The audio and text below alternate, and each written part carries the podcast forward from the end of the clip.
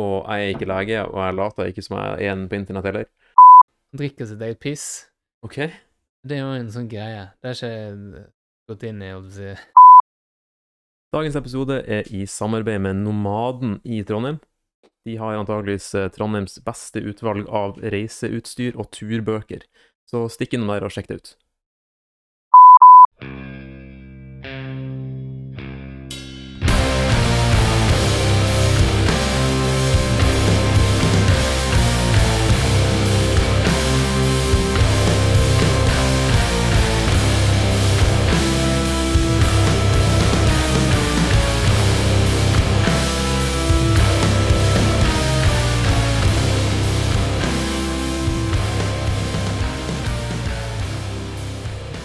Den berømte lydtesten?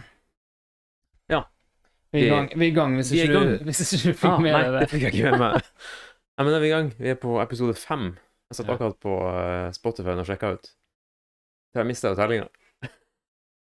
Og, og dette er jo egentlig første gang vi bare har satt oss ned, vi testet lyden, og så trykket vi record. Eller jeg gjorde det. Jeg tok en sje- sjefsavgjørelse på det. Egentlig ikke snakket om hva vi skal gjøre. Pleier å ha litt jukselapp på mobilen, men nå står min mobil og, og tar opp en hyperlapse som vi skal legge ut på Insta-profilen. Ja. Så nå er jeg helt blind. Så du får, eh, du får være mine eh, øyne og ører. Ja. Vi har jo, eh, det er faktisk det som er en ting som er verdt å merke. Uh, vi har ordna Instagram-profil som heter akkurat samme som podden, livet og alt det der. Uh, og du finner den, i hvert fall på min Instagram-profil, hvis du har meg som venn. Å nei, jeg har sikkert ikke linket til den ennå. har du sikkert, men da får vi fikse det. Ja, jeg er så sløv jeg på sosiale medier. Ja, men jeg, jeg slet litt med det der. Ja. Jeg, jeg satt lenge og tenkte på om vi skulle eh, gjøre det. Om vi skulle ha det. Mm. Um, jeg har deaktivert Facebook-kontoen min. Ja, kult. Jeg fant ut en dag at jeg var, jeg var dritlei av at um, Jeg oppdaga at jeg plutselig satt helt ubevisst Gå inn på Face og sitte og bare scrolla. Og bare irritere meg noen ganger om at det er mye piss der. Og bare gjør ikke noe. Bare sitte og scroller, scroller, scroller. Og så hver dag så sjekker jeg minnene mine. Ting som liksom har skjedd før. Det syns jeg var jævlig fett. Liksom, hva skjedde for sju år siden? Mm. Sånn, å, shit, så idiot jeg var. Det har vært jævlig artig å liksom se alle de tingene som dukker opp, alle bildene, alle tingene som har skjedd. Det har vært jævlig kult. Men så oppdaga jeg at jeg, jeg Hvorfor brukte jeg tid på Facebook? Det er har deaktivert profilen min. Jeg, jeg, eh, jeg gjør det samme, men ikke med Facebook. Facebook det, den kan jeg faktisk glemme. Ah. Glemme skikkelig. Mm. Men jeg sitter på repeat på Tre på. Ja, Mm. sitter på Insta, Snap Eller kanskje de? Insta, Snap. Refresher. Og så er det VG, NRK, adresser, hardware, et par andre sider, sånn helt standard sider. Mm. Og det er bare Ja. Sjekke nettbanken ti ganger for dagen. Det selv var i tilfelle det kom ut selv om jeg ikke har brukt noe penger siden sist. Det er liksom bare gå innom alt, sirkulere litt. Helt idiotisk. Ja. Så jeg, jeg har jo iPhone nå, så jeg ligger vel på tre timer Jeg snitter på tre timer. Mm. Jeg tror ikke det er noen krise, men jeg syns fortsatt det er for mye. Men kanskje det utbryter litt hvorfor jeg syns det er et problem at, Eller hvorfor jeg tenkte at vi ikke skulle ha en Insta-profil. Mm. Um, jeg har tenkt litt på det siste på hva det her i de hermetegn sosiale mediene egentlig er for noe, eh, og hvor fucka det er. Og så har jeg alltid Jeg vegra meg ganske mye for å legge ut ting på egen profil, og følte at jeg lurt systemet litt med å bruke en app som heter Pixsplitter, som deler opp bildene i 6 eller 8 eller 12 eller whatever, og som uh, har følt at jeg har unngått den der fella med å få likes på bildene mine, for det er ingen som gidder å like alle, la oss si seks bildene jeg legger ut. Mm. Bare se på det store bildet på profilen min, og så spiller det ingen rolle for meg om det er noen som faktisk har sett på det eller ikke, for jeg har fått pusha ut det jeg ønsker å pushe ut, så får ikke jeg noe feedback på det, og det syns jeg er veldig greit i forhold til at uh, belønningssystemet i hjernen min går ikke i overdrive for å få likes. Mm. Jeg har tenkt mye på det der, og på at firmaene selger dataen din, og at hvis du prater om oppvaskmaskiner, så plutselig er det reklame om oppvaskmaskiner på Instagram. Mm. Det er sånne her ting liker jeg ikke. Jeg syns ikke det er bra i det hele tatt. Og hvis du, det, han um, Faen, han heter eksen til Katy Perry. Han veldig spesielle typen. Han heter komiker fra Storbritannia. Ja. Han, som ny, han er Eh. nyfrelst. Han er blitt eh, veldig Ja. religiøs. Ja, han er jo veldig sånn spirituell, jeg skjønner. Jo, jeg tror jeg jo, har sett han eh, Stemmer. Hva faen han De var heter? snakke med Wim Hoff og sånn. Ja, ja, ja, stemmer. Det er han med sånn langt, svart hår, sant? Det stemmer på en prikk. Uansett, vi må når vi kom, Brit britisk. Ja, brite. Ja, ja. Eh, men uansett, det han sa på en podd jeg hørte på nylig, det var at hvis ikke du betaler for produktet, så er det du som er produktet. Ja. Og det der ah, Det irriterer meg. Så jeg har liksom vurdert å slette min Instagram òg, og Snapchat, og bare kutte alle tråder i hele verden. Mm. Jeg begynte, jeg, mange år har jeg sett på en telefon som heter Lightphone 2, som er en uh, kjempeliten, søt telefon. Jeg tror til og med det er elektronisk blekk i skjermen. Mm. Det er ikke noe bilder, det er ikke noe apper, det er ikke noe dritt. Det er telefon, det er tekstmelding. De skulle kanskje ha GPS, og kanskje noe musikkgreier på den. Men det var det. Og jeg elska ideen. Det er som bare en sånn Ikke nødvendigvis man skal gå helt dit konstant, men alle de dagene jeg tenker at nå skal jeg hive telefonen så hardt jeg greier av verandaen, så kan det være et triks å bare slå på den, bare slå av smarttelefonen. Og kun liksom være nåbar på telefonen eller SMS, og bare ha den som en telefon. ja, det er noe i det, altså. Det er, men det er jævlig vanskelig. Mm. Man er mer avhengig enn man tror, og hver gang jeg har hørt folk si det, så bare ja, ja, men Hva gjør du når? Ja. Altså, den ja, så, har- så jeg tenkt sånn at uh, det, er Klisjé, da. Tenkt sånn, Det gjelder ikke meg, og det, det mener jeg fortsatt til en viss grad. da. Men sånn som i går, så var det kamp, fotballkamp. Mm. Syns ikke det er så fett å se kamp alene. Jeg tenkte sånn Nei, faen, det er jo laget mitt, da. Liverpool. Så, så jeg så kampen uansett. Uh, og da merket jeg at um, nå skal jeg bare se denne kampen, og ikke drive og sitte på mobilen i tillegg. Det det er, Men det er egentlig veldig sånn fin greie å gjøre til fotball, egentlig, for det er ikke så intenst hele tiden. Så, så det er ikke noen krise eh, uansett, men jeg tenkte nå skal jeg gjøre det. Bare sånn 10-15 minutter. Bare sånn, nei, nå gjør noe nå må jeg opp med telefonen. Hva er uttrykket på engelsk? er vel instant gratification. Ja. Det er kommet til et punkt der du trenger mer stimuli enn det du får fra en enkelt aktivitet, så du må Mm. fylle på med flere. Det er Jeg syns det, det er sjukt snodig. Sånn som folk som uh, må sove med serie eller TV på for å få sove.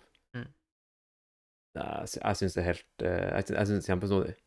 Det er litt fascinerende, for det har jeg alltid gjort siden jeg var jeg begynte på ungdomsskolen. Altså. Ja. Så jeg har gjort det i 20 år. Men må du ha det?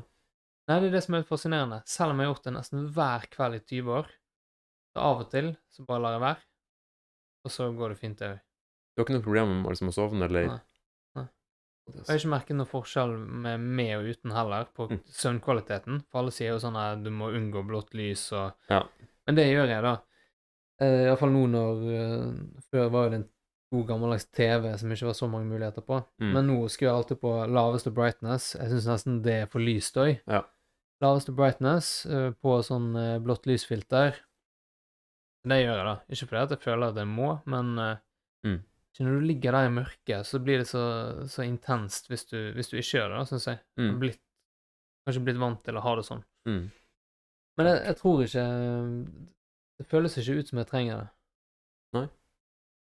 Nå har vi, siden kiden har fått nytt rom, så har vi liksom byttet litt rom og seng og Mm. Men jeg tror jeg bare er heldig der, da. Uh, heldig med sovegreiene. Ja. Det, det skal ikke si at det er som å trykke på en knapp, og jeg har jo mine perioder med med dårlig søvn og vanskelig for å sove, jeg òg, som alle andre, vil jeg tro. Men sånn baseline, generell basis, så funker begge deler. Så, så er jeg litt Jeg det er en av mine heldige områder. Ja. Jeg kjøper meg sovemaske. Ja. Ja, for at jeg, jeg, synes, jeg sover så mye bedre når det er mørkt. Mm. Jeg merker forskjell på søvnkvaliteten min. Ja, det, det er jeg enig i, men det, jeg merker det bare som et problem på sommeren. Ja. Når det er lys hele Ja, ja. døgnet. Da er det sånn at det fucker med hodet mitt. Jeg kjøpte jo den maska på sommeren, Mm. etter liksom etter den ganske lenge, og så plutselig var den på salg. Kanskje fordi jeg prata mye om den, at noen driver og hører på det jeg sier hele tida. men så fant jeg den tilfeldigvis på salg, og så kom det med sånn blackout-stickere, sånn klistremerker som er helt svart. Det går ikke lys gjennom dem. Og et av dem passa perfekt på på-knappen på soverommet. Så den lyser jo, den knappen vi har på soverommet. Eh, og det var helt nydelig. Jeg bare klistrer den lappen over, og ta på sovemaska, og så er det helt svart hele natta. Nydelig. Nydelig, nydelig, nydelig. Å, konge. Ja. Bra. Ja, men eh, det er nok noe i det. Mm. Det er nok noe i det, og kanskje jeg prøver litt forskjellige ting. på det. Teip Jeg vet ikke om jeg har sagt det på podkasten. Teipe munnen. Eh, nei, du har ikke nevnt det på podden, men vi pratet om det sist vi løp. Ja, for egentlig så tenkte jeg å sjekke opp i det, for det, du, du arresterte meg, og det er lenge siden jeg har hørt det, så jeg har liksom glemt hvorfor. Mm. Jeg har ikke sjekket opp i det. Jeg har ikke sjekket opp i hvorfor, men det er jo et eller annet med, med at det pustegenet som er, som er som er viktig, da. Og tror det er ganske bred enighet om at det er best å puste med nesen. Jeg tror det har noe med at uh, nesehårene filtrerer luften, at luften varmes opp på en annen måte før den går ned i lungene. For du vet jo at sånne vinteridrettsutøvere Får ofte astma. Ja, og det er Mm. fordi at de trener hardt i kulde. Mm. Det blir hardt for lungene. Eh, så, så jeg tror det har en del med det å gjøre. Og bare noe med sånn pustemekanikk eh, mekani, ja, me, Ja, mekanikk. mekanikken. Mm. Et eller annet med at du kanskje er lettere for å aktivere mellomgulvet, eller puste riktig hvis man puster med nesen. At du Mm. må anstrenge deg mer på Mm. et vis. Jeg vet ikke helt, men det var veldig mange som har en tendens til å puste med munnen uh, når de sover. Mm. Og jeg merker at når jeg legger meg, så blir jeg ofte tett i nesen. Jeg vet ikke hvorfor. Det Mm. med støv på soverommet. Mm. Men uh, anyways, det er triks. Hva var det arrestert deg på? Nei, hvorfor man skulle gjøre det. Ja, ja, stemmer. Og så har jeg egentlig ikke sjekket opp i det. Nei, stemmer. Og det har jeg fortsatt ikke, så alt jeg sa nå, er bare eh, tipping Ja, men altså, det her starta vi jo, hvis dere ikke har hørt eh, pilotepisoden. Alt er antagelser. Ja. Vi er ikke utdanna på så veldig mye av det vi prater om. Alt det jeg sa nå, er jo logisk etablerte sannheter. Ja. Ikke må man ha forskning på alt man sier, liksom. Kanskje. Man kan ikke si at jorden er rund lenger, uten at du på en måte må Bevise det. bevise det. Har du sett en uh, dokumentaren slik på Netflix? Nei. Den uh, handler om eh, Flat Earthers. Den er hysterisk. Eh, to spesifikke ting som skiller seg ut i den, der de gjør to forsøk. Der de skal gjøre liksom, vitenskapelige forsøk for å liksom, bevise at jorda ikke er rund. Som bare feiler helt spektakulært. Og eh, den er verdt å se. Eh, jeg legger den eh, link i shownotes. Samme jeg legger Insta-profilen i shownotesen. Var ikke det Var ikke det en som, som hadde laget en egen rakett? Man skulle fly opp eh, Jeg vet ikke hvor høyt han måtte, om det var stratosfæren. Han skulle iallfall fly jævlig høyt oppover Mm.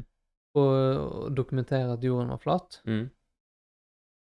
Jeg vet ikke hva som skjedde, men han døde iallfall. Og han skulle være med.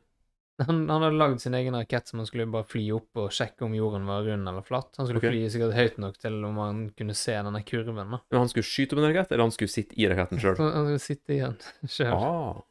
Mm. Skikkelig sånn Petter Smart-type. Et lite sånn eh, sivilt uh, NASA-prosjekt. Ja, Så jeg støtter jo engasjementet. ja, det, jeg syns det er helt fett, jeg. Det som, som vi lærer.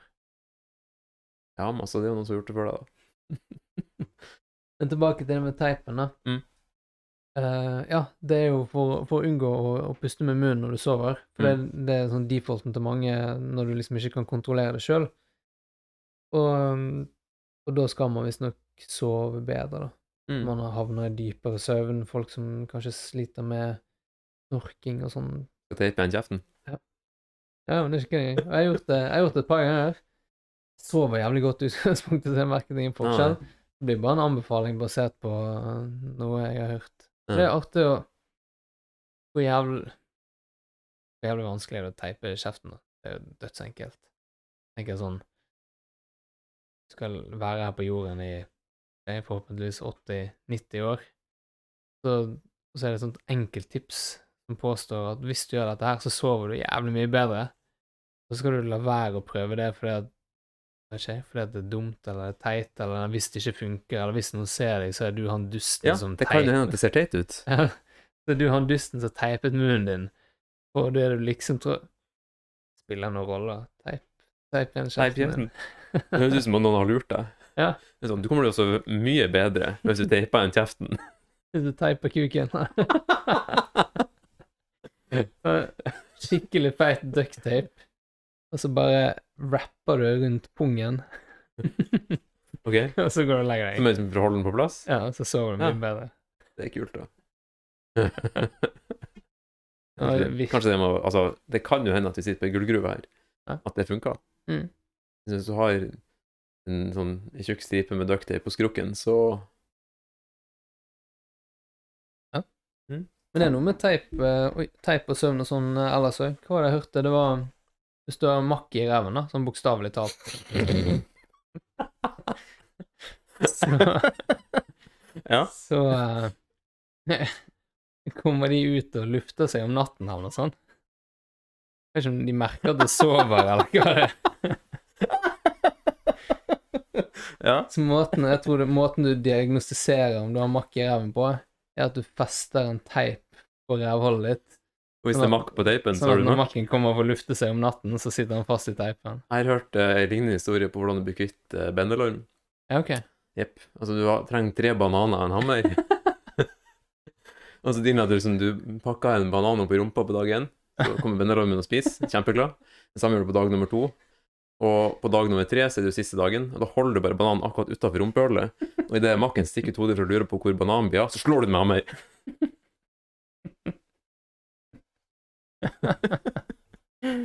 Jævlig bra. Fy faen, altså. Det er bra. Ja. Um, dagens episode skulle hete Kontrovers. Ja, Skuden. og så ble det bare Nei, men det, det syns jeg er fint, det. mm. Jeg syns det er mye artigere å bare prate enn å skal sitte og lese fra skript. mm. Og så får folk bare tåle at det ikke er en rød tråd. Merker Nei, enig. Mm. Jeg merker at når vi sitter her, så får jeg jævlig lyst til å fikle med alle sånne mulige ting. Jeg Mm. sitter Jeg fant en gammel tyggis på skjermen min. Er det en ordentlig tyggis? Det er en ordentlig tyggis. ja. Hey. Jeg sitter og, og drar i. Å, herregud. Ja, for det vi begynte å prate om uh, før podden, eller i dag, det var jo uh, kosthold, egentlig. Mm. Og vi har prata litt om sånne ting som er litt kontroversielt. Uh, eller kan være kontroversielt, som folk kanskje reagerer på. Eh, og da var kosthold en ting som ble dratt fram. Mm. Og det du tenkte på spesifikt, var paleo-kostholdet. Ja. Så urmenneskekosthold. Altså, ja. Ja, for jeg tenkte Jeg vet jo at du vet mer om det enn meg. Du har egentlig testet det litt òg. Mm. Så, så jeg Jeg merker at jeg begynner å bli litt interessert i det igjen. Jeg har vært litt sånn av og på. Prøvd eh, Jeg vet ikke om jeg har prøvd kanskje en ekstrem variant. Tror egentlig ikke ekstrem variant, men jeg har vært litt sånn rykk og napp. Jeg har ikke gått all in. eh, holdt, eh, holdt meg til det over en lengre periode. Men nå har jeg blitt litt giret. Jeg vurderer å liksom kutte ut sukker og sånne ting, så derfor tenkte jeg bare stille noen kritiske spørsmål, da. Mm.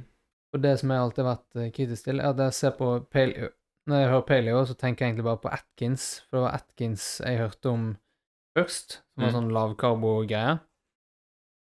Jeg mener også at Greg Glassman, som er Jeg vet ikke om han Han fant nok sikkert ikke på paleo-dietten, men det er liksom via CrossFit jeg har fått det. Og Jeg føler at de har dratt opp Atkins, så jeg føler at de òg legger liksom sånn paleo og Atkins i liksom samme Nja, ja, det er jeg ikke sikker på. Jeg tror det er zone, altså sonedietten. Ok. Han dr. Barry Sears, som var uh, den som var den offisielle dietten til CrossFit. ok. Mm. Det, er det, det, har ja. jeg heller aldri skjønt, for det, er, det er det sånne blocks, ikke Jo, det er blokker i forhold til uh, hva du skal spise. Ei blokk er en, en viss del protein, en viss del karbohydrat, en viss del fett. Og så skal du ha x antall blokker basert på hvor, hvor mye du veier, og hva målet ditt er. Da tenker jeg sånn, er ikke det bare en regneregel, da? Jo, men Hvorfor må du vi, regne via sånne blokker? Hvorfor kan du ikke bare regne i, i ekte eh, makronutrients, på en måte? Nei, for hele poenget der var at du skulle ha ehm, Hvis jeg ikke husker feil, så er det 40% protein, 40% karbohydrater, 30% fett. Og det får du med de blokkene her. Ja. Uh, og da var liksom makronutrientene som var viktige her, og prosentandeler av dem. Uh, men sånn som alle andre dietter og spisemåter, hvis du skal ned i vekt, så går det på kalorirestriksjon, altså at du får mindre kalorier enn du bruker Mm. I hele poenget for å gå ned i vekt. Uavhengig av om du spiser uh, donuts eller om du spiser salat. Mm. Bruker Ja. du mer enn du får inn, så går du ned i vekt. Ja. Det kommer du ikke unna. Og det er ikke noe magisk med noe dietter. Det er ikke noe som at hvis du driver på med at du er vegetarianer, så er det eh, en annen måte å gå ned i vekt på enn en, en reduksjon av kalorier. Da. Nei, og det, det er jeg helt enig i. Det prinsippet er jo det står liksom fast, syns jeg òg. Mm. Det er mange som prøver å liksom vri og vende på det, men, men jeg føler ikke at de taler det imot allikevel. Det er sånn, ja, men det er jo liksom ikke alt som blir brukt, eh, eller liksom det er mye som blir brukt uten at du bruker det, på en måte, hvis du skjønner hva jeg mener. Nei. at, at kroppen forbrenner mye ved å bare leve, og, Ah, altså, viser- basalforbrenninga di er nå til stede, ja, men ja, og henviser til sånn laboratorieforsøk og sånn, og det er jeg jo enig i. Du kan ikke regne dette her ned til, eh, ned til grammet. Du kan ikke, for det, det er nok mye som forsvinner i varme, og, og folk har forskjellig fordøyelsessystem, så noen bruker mer energi på å fordøye noe enn en andre. Men det prinsippet gjelder jo allikevel.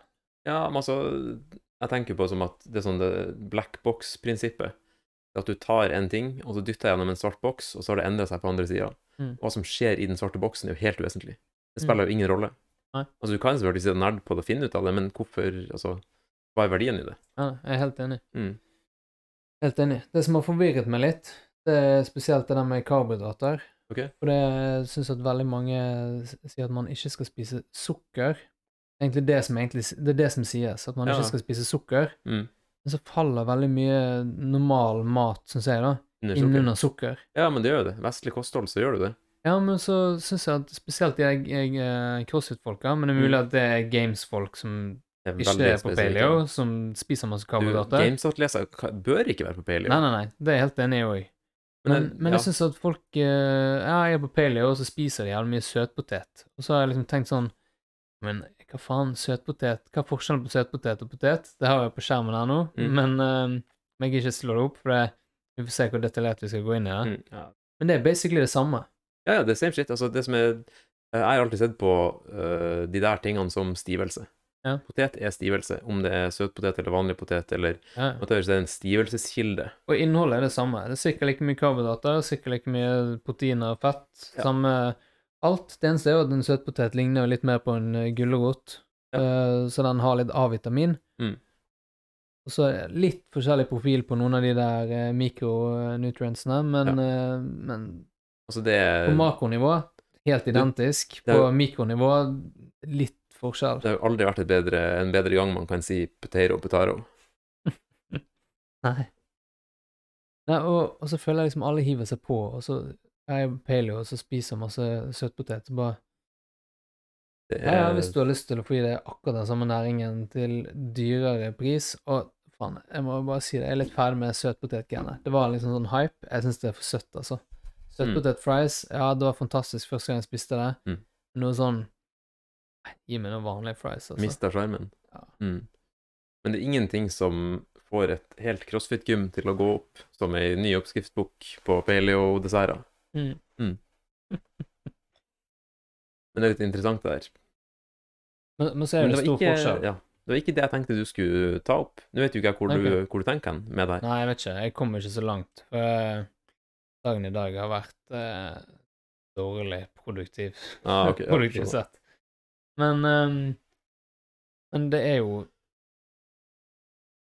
jeg, jeg begynner liksom å gå litt tilbake på det at man trenger så jævlig mye karbohydrater. Så tror jeg bare at det har endret mine mål òg. Jeg var jævlig opptatt av å bli større og sterkere. Bryr meg ikke så mye om det lenger. Nå tenker jeg bare at eh, at eh, kroppen får ha den eh, formen og fasongen han vil ha. Så lenge jeg kan gjøre noen fete ting. Mm. Det har jeg tenkt lenge, men jeg har tenkt at det er enklere å løfte 100 kilo snatch hvis man går litt opp i vekt, og det er jo det. Ja, Men er erfaringen min nå er at hvis jeg prøver aktivt å gå opp i vekt, så jeg tror det er mye stress forbundet med det, så da skjer ikke det så jævlig bra. De gangene jeg bare kult an, spist eh, litt sånn Bare spist det jeg vil ha, eh, uten å trykke masse drit ned i kjeften for å gå opp i vekt, så har jeg vel hatt en hatt enklere for å, å legge på meg. Mm. I positiv forstand, da. Ja. Uh, hvor var det skulle hen? Men ja, dette med sukker. Mm. Men jeg syns jo det er Kanskje vi skal definere sukker, da? Ja, det er det. Det er det. Ja, men det- karbohydrat jo- karbohydrat eh, Alt sukker er karbohydrater, men alle karbohydrater er ikke sukker. Ja, for du har jo monosakkarider Mm. og disakkarider og Polysakkarid. polysakkarider. Mm. Og de der monosakkaridene er jo glukose Mm. og en annen ting, tror jeg. Ja. Jeg tror det finnes to Jeg tror det bare finnes to glukose. Nei, Mm. to uh, monosakkarider. Ja. Glukose og en annen. Usikker. Mm. Og så har du en disakkerid som heter sukrose, Mm. som er vanlig sukker sånn Ja, hvitt sukker. suk Ja. Nei, er det? Jo, jo, ganske sikker på det. Mm. Og der har du kanskje flere varianter, og så er jo polysakkarid en miks av disse. Og alt brytes jo ned til glukose i blodet. Mm. Nå Vi har ikke gjort noe eh, grundig research på dette, men det, dette er sånn jeg husker fra skolen, sånn som vi lærte på skolen. For alle har kanskje lest litt på, på egen hånd. Uh, men det som har noe å si, er jo hvor uh, hvor raskt disse tingene brytes ned til glukose. Den såkalte uh, GI, Ja. glykemisk indeks. Mm. Jeg tenker jo at ting som har høy eh, Jeg tenker litt tradisjonelt der, da. Ting Mm. som har høy glykemisk eh, indeks, brytes saktere ned, vil ikke eh, føre til en så voldsom forhøyning i blodsukkeret, som liksom er det alle trekker fram som liksom ondskapen til sukkeret, da. Grunnen til at man skal unngå det. Når vi spiser 100% grovt speltbrød med masse, masse fiber, så syns jeg det blir rart å sidestille med smågodt, da, på en måte. Og det føler jeg blir gjort av paleo-menigheten. Ah, jeg skjønner. Jeg tror utfordringen ligger mer på at uh, det meste man spiser, er en mye høyere andel karbohydrat enn protein og fett. Og spesielt det kostholdet vi lever under nå, der mesteparten eller størstedelen av maten er en karbohydrat. Ikke nødvendigvis en sukker, men at det er karbohydrater. Og hvis du tar liksom sonedietten som eksempel, at du skal ha 40% karbohydrat og 40% protein, så tror jeg vi ligger ganske skjevfordelt på den, den skalaen der allerede. Mm. Jeg tror det er der utfordringen ligger. At sukker i seg sjøl, det største problemet jeg ser med det, altså den prater om hvitt sukker, og kanskje til og med frukt òg, det at du får ei um, ei stor endring av uh, blodsukkeret. Altså insulinet mener henter ned gang på gang på gang, og du får en sånn frekk berg-og-dal-bane som går opp og ned når du spiser mye sukker, da. Og det tror jeg ikke er gunstig. Og jeg er ikke lege, og jeg later ikke som jeg er en på internett heller. Men sånn som jeg skjønner det, og ser hele problemstillinga med f.eks. diabetes type 2, så er utfordringa at hvis du leker berg-og-dal-bane et helt liv, så er det en sak som styrer insulin, som til slutt sier nei takk, nok, Mm. nå holder det. Så har du et problem der du ikke greier å produsere insulin sjøl lenger. Og altså, her får folk bare være uenige, men jeg er nesten 100% sikker på at kostholdet vårt er grunnen til veldig mye av de sykdommene vi ser nå til dags. Um, og jeg tror ikke det blir sett på som livsstilssykdommer, men jeg tror det kommer til å bli det om ei stund. For eksempel sånn som Alzheimers. Det kan hende at jeg er på kjempetynn is her nå, men jeg tror sykdommer sånn som det har noe med kosthold å gjøre. Mm. Hvis du spiser mye sukker eller mye karbohydrater, så har det noe å si. Mm. Altså, det er en, en grunn til at um, det, vel, det overraska meg at ikke vet ikke hva skal si det her. Men jeg kjenner ingen som jeg vet om, som er allergisk mot kjøtt og grønnsaker. Og ja, altså hvis du unngår liksom mel, sukker og melk, Mm. så styrer du unna ganske mye trøbbel, tror jeg. Ja. Mm. Det kan godt hende, det, altså. Det kan godt hende. Det, er det overrasker meg hvis det ikke stemmer, da. Mm. Nei, jeg er enig, og, og det er mye Domineres av mye um, usunne karbohydrater. Men, eh, men jeg, jeg er fortsatt litt usikker på det der du spiser grovt, grove produkter, fullkornprodukter. Mm. Så jeg tenker det må være annerledes. Får ikke den samme spiken heller. Og jeg er usikker på nøyaktig hvorfor, men jeg tror det er andelen fiber Mm. som du fordøyer samtidig som karbohydratene, som du ikke klarer å, bryte ned. Mm. Du på en måte fyller, Jeg vet ikke, dette blir bare antakelser ennå. Om du fyller opp tarmen, eller fyller opp med ting som ikke er fordøyelig, at det dermed forsinker fordøyelsesprosessen. da. Så du Mm. vil ikke få like høyt, eh, høy stigning i, i blodsukkeret. Det kan godt hende at det stemmer, men utfordringen er likevel at du spiser en stor, stor mengde med karbohydrater. da. Spiser veldig mye energirik kost. Mm. Og hvis ikke du forbruker den, så blir den lagra. Og er det én ting vi vet, er det at mennesker er ekstremt adaptive. Altså, vi tilpasser oss alt vi blir utsatt for, spesielt over lang tid. Hvis du da spiser brød hver dag, og ikke greier å forbrenne den kaloriinntaket du har, så legger det seg på kroppen din. Ja. Mm. Men samtidig paleo, da skal man spise veldig sånn fettholdig mat. Er det veldig fettholdig? Jeg vet ikke, du skal jo på en måte erstatte de Husker du, husker du eh, læresetninga? Det er um, Hva heter det? Vegetables, meat Nei... Kjøtt, grønnsaker, nøtter og frø. Ja. Litt stivelse. Uh, nei, uh, noe stivelse, litt frukt og ikke noe sukker. Mm. Og de to første, altså kjøtt og grønnsaker, kan du spise ubegrensa av til du blir mett. Nøtter og frø må du være litt restriktiv med. Samme stivelse, der må du ha liksom Det er derfor det er noe på det. Spis noe, noe stivelse. Litt frukt, fordi at frukt er sukker, men du får litt vitaminer og sånt snacks med. Når du ikke har lyst til å spise sjukt mye frukt, Mm. ja, du får diabetes da òg. Kanskje. Jeg jeg tror ikke det er bra for deg. Altså, Kanskje. det er en grunn til at vi um, Det er en grunn til at karbohydrat funker sånn som det gjør i hjernen vår. Hvis vi ser på palokosthold sånn som tanken på det, da, at det er et sånn hunter-gatherer-samfunn uh, i steinalderen, Mm. så var antageligvis frukt noe du ikke fikk tak i så ofte. Da er det jo helt åpenbart at hjernen din belønner deg for å fylle på med raske, raske karbohydrater, noe som gjør deg i stand til å drive på lenger. Jeg er enig i at den eh, si, te teorien høres jo veldig riktig ut, da. Det som fucker med hodet mitt, er at det er så mange som oppnår så mye greier med helt forskjellige typer kosthold. Ja, men det er det som er poenget. Vi er jo adaptive. Ja, ja. Altså, det her er jo, du har en bil her som du kan kjøre på diesel, bensin, flybensin, uh, uh, fuckings chipsfett. Altså, du, du kan pakke hva som helst i deg, og kroppen din blir å prøve å få det til å funke. Mm. Altså, uh, ja, du kan, du kan virkelig pakke deg hva som helst, og kroppen vil virkelig å prøve å få det her til å funke. Og det er jo jævlig fett. Det er utrolig fett. Vi kan jo gjøre hva som helst. Altså, det er jo sikkert folk som har drukket bare melk hver dag for å liksom oppnå de kaloriene de skal ha, og får det helt fint til. Det er sant, det. Og så tror jeg også jeg forbinder det med litt sånn latmannsslanking. Hva da, paleo? Ja, paleo, Atkins, lavkarbo Hvorfor skal det være liksom latmanns? Nei, det, det er jo kanskje fordi at de jeg har sett, iallfall til alle, men mange, Mm. så handler det bare om å unngå karbohydrater. Så du kan dytte all slags mulig drit ned i kjeften så lenge det ikke er karbohydrater. Er er Så du liksom ja. erstatter smågodt med bacon, da. Og så har du liksom bacon som er Det er jo Ja, det, det ligger ikke på plusslisten min, iallfall. Det er jo altså, prosse- all, Alle dietter er vel enige om at sånn prosessert kjøtt ikke er noe særlig mm. gull. Det er jo liksom sånn er jo røyket i gåseøyne. Det er jo tilsatt sånn røykessens. Ja. Det er jo så, iallfall det Nå er ikke jeg sånn feinschmecker på det området, eller har vært det fall. Jeg har kjøpt billig bacon. Det er jo så salt. Fy faen, det er så salt. Mm. Det har saltet eggene i tillegg, så jeg nesten så jeg ikke klarer å spise lenger. Jeg har blitt litt følsom på salt, altså. Mm.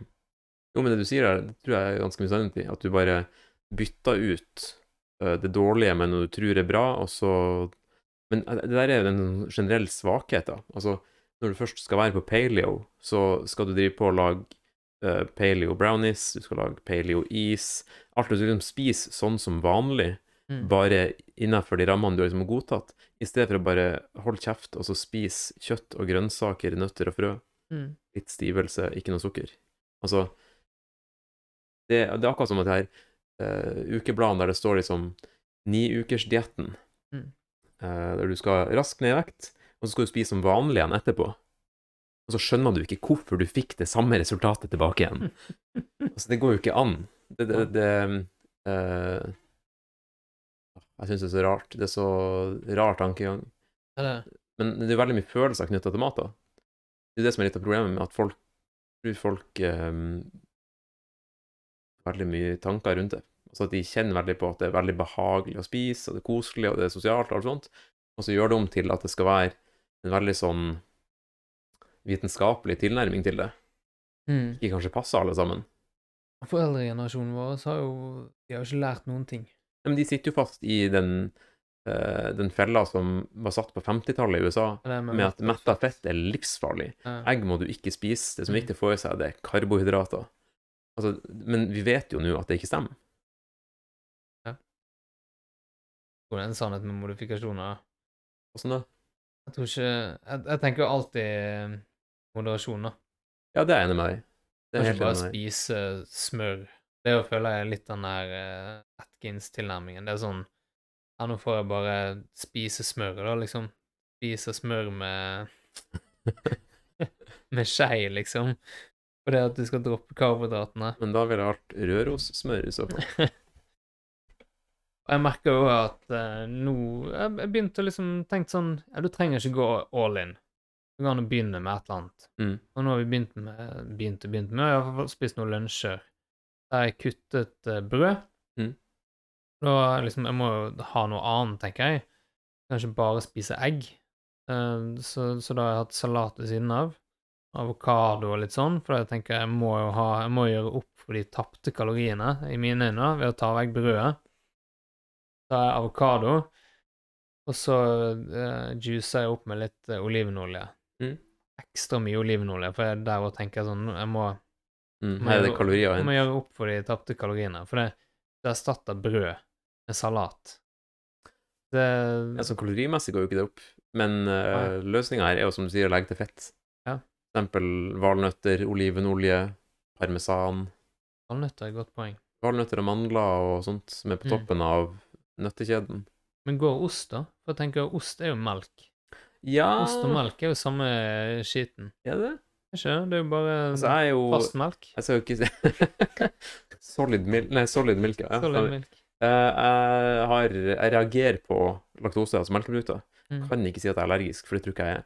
Men jeg får eksem av, eh, av melk hvis jeg inn, inhalerer mye av det. Men ost ser ut til å gå bra med. Ja. Jeg tror det er noe sånn Her vet Anne, vet du. Hun jobber jo i Tine. Ja. Hun sitter sikkert og gremmes når hun er der. Men jeg, tror ikke det er samme same same. Jeg spiser relativt mye ost. Uh, og jeg, meg så går det helt fint. Ja. Men det er vel ikke så mye karbohydrater i det heller. Det er, mm, Det er fett, og men tenkte, jeg tenkte mer på laktosen. Ja. Så melkesukker i det. Ja. Mm. I don't know. Vet ikke. Men ost er fornøyelig. Men for å få liksom ekstra kalorier i maten, det er jo bare å legge til fettkilder. Så løser seg. Altså to valnøtter er sånn 1000 kalorier. Mm. Men det er faen meg sant. Mm. Av og til på kvelden jeg tenker sånn, når jeg, f- når jeg sitter med en følelse av at nå har jeg spist litt lite i dag, Mm. så bare kjører jeg ned på en hel pose nøtter. Ja, For sant. det, du blir jo ikke mett av nøtter. Iallfall ikke, eller du blir ikke mett før du er på kalorioverskudd. Det stemmer på en fuckings prikk. Det er som du sier. Hvor mange kalorier er det, da? Mye. Hun- 100 gram valnøtter, det Du, vi har jo internettmaskiner. Ja, det er kjekt, da. Du som har internettmaskin. Men jeg sitter Jeg må, Bli med på videoen. jeg må, ja, jeg må lene meg litt bort og bli med på videoen. Eh, Vinke, vinke til kamera. Kanskje ta ned skjermen. Sånn. Skal vi se Der. OK, hva tippa du? Nå kommer jeg faen meg med. Hva tippa du? I 100 gram? Nå mener jeg så tidligere i dag at Mm. søtpotet For det, jeg havnet off på, på det gamet der. Altså. Før kunne jeg mye. Men jeg, jeg lurer på om jeg så at det var 300 kalorier i potet eller søtpotet per 100 Mm. gram. Hvis jeg ikke tar feil. Så siden det er såpass mye um, fett, så vil jeg tippe 800. Nesten eh, 6,54 per 100 gram på valnøtter. Ok. Nesten 700, 650 gram Mm. Nei, 650 kalorier per 100 gram. Du spiser 200 gram, da. Så har 12 egentlig et halvt eh, dagsforbruk Det stemmer. Og oss, da. Ja, vi burde ligge på litt mer. Mm. Kanskje. Men så, sånn som jeg ser det, så har du to valgmuligheter her. Altså enten den ene er at du spiser så rent som mulig, og en annen ting som på paleokostholdet var jo det at du skal ha så lite ingredienser i produktet som overhodet mulig. Det beste er jo hvis tingen du spiser ikke har en sånn label, en lapp der det står hva som er i den, Mm. men fire var liksom greia. Okay. Under fire ting i seg. Smør har jo det, biff har det, salat har det. Altså, Mm. hele poenget. Så mer drit som i produktet, så verre er det for deg, egentlig. Men uh, ja. Men ja, som sagt, en løsning er å bare spise så rent som mulig, og bare stoppe når du er mett. Eller det andre er jo å faktisk spole og bruke uh, internettmaskinen din, og laste ned apper, og begynne å spore alt du spiser for å ha kontroll på det. Mm. Det gjorde jo jeg når jeg drev på med det keto-prosjektet mitt. Ja. For å ha litt kontroll på, og se hva spiste jeg, hva lå jeg på, for å kunne styre litt. Men da hadde jeg jo ikke noe annet mål enn å bare prøve å se hvordan var det å være i ketose og bruke fett som energikilde, og ikke karbohydrater. Derfor har jeg begynt litt å se, se på det nå. Jeg tror det har noe med at nå blir eh, Ja, alle blir jo eldre. Jeg blir eldre. Prøv å si at du begynner å bli tjukk. Nei, nei, nei. nei. Det Jeg vet ikke. Jeg vil ikke si jeg kommer sjelden til å spise og slanke meg. Ja. Det tror jeg for... Nei, det tror jeg aldri kommer til å gjøre. Jeg gjør det nå. Eller jeg prøver nå. Ja. Jeg blir tjukk. Eller jeg føler jeg blir tjukk. Eh, jeg, når jeg hadde holdt på å si midtlivskrisa mi, Ja. eh, de verste to årene i mitt liv, så hadde jeg en periode der jeg spiste mye pizza og drakk øl to ganger per helg. Og så var vi på eh, Pirbadet og skulle svømme, og så drev vi herja i skliene og styra. Det var en blom med, og så sa han til meg sånn Du, Espen, du må, du må ta og gjøre noe. Jeg sånn, Å, faen. Men jeg setter veldig pris på det at han faktisk er så uh, han, Men han er jo en veldig oppegående fyr, da. Han er veldig uh, veldig direkte. Og jeg tror veldig mange som ikke tåler det, blir veldig eh, snurt av det. Mm. Jeg syns det var en veldig sånn fin wake-up call. Bare å, shit. Faen. Du har et veldig godt poeng her. Jeg føler litt sånn nå òg. Jeg er konge. Ikke på det nivået, men jeg, jeg føler jeg må spise bedre. Ja. Mm. Men det er jo aldri feil, det, da. Nei, det er ikke det. Det er absolutt ikke. Eller, jeg skal ikke si aldri. Jeg skal aldri si aldri. Så langt så er jeg fortsatt veldig heldig med forbrenningen. Mm. Men, eh, men det er for praktiske formål. Det er litt med den der løpingen. Mm. Jeg merker at nå når vi har kids, så styrer vi mindre sjøl. Derfor har jeg lyst til å bare eh, fungere uten mat lenge. Ja. Jeg kunne tenkt meg å bare ikke vært sulten. Det vet jeg at det er en hva skal jeg si, bieffekt av å være på litt sånn fett, eh, fettforbrenningsregime. Uh, ja, så jeg kunne tenkt meg å leke litt mer med det. Jeg prøvde en gang tidligere. uh, Det gikk ikke så bra. Følte egentlig at hele fordøyelsessystemet bare stoppet opp. Uh, Jeg vet ikke hvorfor. Sikkert bare for mye fett og proteiner for min smak, da. At jeg ikke ble vant til det. Men, eh, men det, det, det har jeg lyst til. Ja. Jeg har lyst til å kunne stikke ut og gjøre et eller annet aktivt uten å tenke 'oi, faen, nå må jeg spise først'. For det, må planlegges så jævlig. Hvis du spiser rett før Jeg har ikke sånne store problemer med det, men det er ikke optimalt. Eh, det hadde vært digg å bare være litt fri. Fri fra den maten. Kunne spise en eller to ganger om dagen. Eller bare utsette det uten at det påvirker um, aktivitetsnivået. Mm. Det er det ene. Hva er det andre? da? Jo, faen, jeg begynte å få Vi snakket om det i sted. Jeg sov jo når du kom. Ja, Jeg har fått sånn jævlig knekk klokken syv. Det er Syv om kvelden. Så bare Hvis jeg sitter meg ned, da, så er det nesten så jeg ikke klarer å være våken. Det er mulig det alltid har vært sånn, bare at jeg Før så har jeg vært på trening klokken syv. Mm. Det er egentlig første gang i livet at jeg er hjemme klokken syv og ser på TV. Mm. Men sånn er det nå. Jeg har ikke lyst til å ha den knekken. Jeg har lyst til å ha sånn snappity-snap Mm. hele dagen. Koffein er din venn. Men det har jeg begynt å, å trappe litt ned på. Prøvd. Mm. Men så måtte jeg trappe opp. trappe Ja. jeg drakk én kopp om morgenen. Mm. Å, for faen, altså. Det er dritt å bare drikke én kopp kaffe. Ja, helt klart. Jeg drakk kaffe på et møte jeg var på i kveld, og så hylte jeg en Red Bull på tur hit. Jeg satt og gjespa som en helt nede i stua før vi gikk opp. Det er sånn det skal være. Mm. Det var ikke så mye kontroverser rundt um, Nei, det er lite um, maten. Det som jeg tenkte var kontrovers med kosthold, var liksom at vi kom til å gå inn på sånn feite folk og, Jo, men det er verdt å prate om. og hva som de, det det hva de holder på med. Jeg husker jeg sa til min lillebror en gang Han var jo ikke så gammel, så det satt jo i. Han ler jo av det fortsatt. Mm. Vi var i London, og så gikk vi rundt på kvelden og bare vi gikk liksom litt sånn gatelangs. Fordi familien var litt spredt i byen, og så var meg og han rundt og gikk. Og så, og så ventet vi liksom fordi vi skulle møtes en eller annen plass og samles. Og så går vi forbi Jeg var litt sånn irritert, tror jeg. Det var sikkert fordi at vi egentlig skulle møtt de for, møtt resten for en stund siden, eller at det var mye styr, da. Så går det en feit gis forbi på gaten, Mm. spiser chips ut av en pose. Så sier jeg til lillebroren min Det er faen meg det verste jeg ser. Feite folk som går rundt og spiser chips på gaten. og det, det satte seg, da. Det Mm. satte seg, så jeg får, jeg får høre ennå. Men jeg mener jo, da. Jeg sier, jo det i irritasjon. Ja. Jeg vet ikke om det provoserer meg så mye nå lenger. Jeg er sånn tann på lyder. Sånn, eh, Ja, sånn, ja. sånn smatting og Ja. Og sånn. Så jeg var sikkert den der i irritasjon, det å høre den lyden og Mm. se at faen, du var feit i tillegg, liksom. Jeg var hos uh, tannlegen nettopp. Har en ting som er kanskje verdt å si òg. Jeg prøver å slutte å drikke brus. Hæ? Rett og slett for at det har ikke noe Det hjelper meg ikke med noen ting. Det er kun en utgiftspost, og det, det gjør ingenting bedre. Når du spurte oss i sted om du skulle kjøpe noe mer på butikken. Ja, og jeg Da en skulle du til å si brus, og Ja, så bare nettopp. Nei, vi trenger ikke brus. Nei, nei, men eh, poenget var likevel Jeg var hos tannlegen nettopp og fiksa ei fylling som var gått i dass. Og så spurte jeg tannlegen liksom hvorfor er det sånn at det koster såpass mye penger å fikse tennene, når alt annet i kroppen er dekt under staten. Sånn at nei, det var sånn her litt fram og tilbake at det var ditt eget ansvar med tennene. Det måtte liksom du stå for sjøl, og du måtte betale for dine egne feil. Men så spurte han som en sånn Ja, men hvis jeg drikker eh, rød cola, feit cola, eh, veldig mye, og utvikla diabetes type 2, det er det dekka av staten. Men at tennene mine blir ødelagt i samme slengen, det er min feil. Det syns jeg er litt så interessant å tenke på. Mm. Vi har bare skilt ut en del av kroppen som ikke Ja, den er ikke med. Den er ikke dekt. Noen det er jævlig corny. jeg tror noen i staten som har drept seg ut på en avtale som er skrevet for en god stund siden. Det kan godt hende. Ja, bare liksom Ja, ja, greit, og bare skrevet under. For gammelt av så er det kanskje sett på som mer kosmetisk, da. Altså sånn, ja, ja, når alt går i dass, så bare, da er det gebiss, da. Liksom Ja, samme bare big, big Ten, deal, liksom. Tennene er jo ikke noe kritisk. Nei. Sa alle blendeprodusentene og klappa eneren. hendene. Mm. Det gikk suppe resten av livet.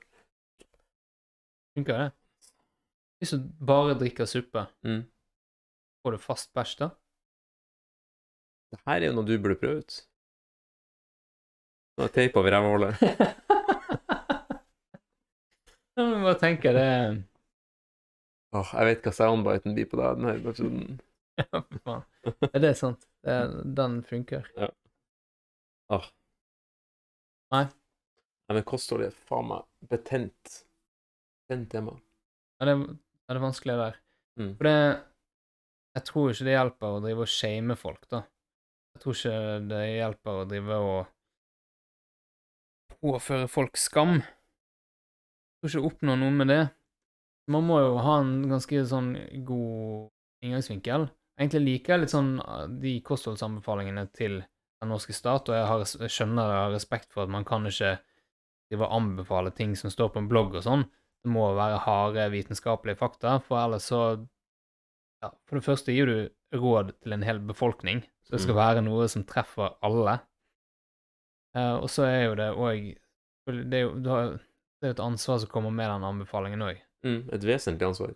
Så, så da må det være harde fakta. Eller så kan du gud og hvermann bare saksøke deg. Og det er jo litt den Jeg vet ikke om det er tiden vi er i nå. Det var jo tiden i USA. Jeg husker da jeg var liten og lo av de amerikanerne som, eh, som saksøkte folk fordi de hadde katten sin i mikroen. Jeg vet ikke om alt det der var vandrehistorier, men det, Nei, den, eller iallfall det kan godt hende det er vandrehistorie, men den første jeg hørte om, var en chihuahua som ble Ja. i en mikrobølgeovn.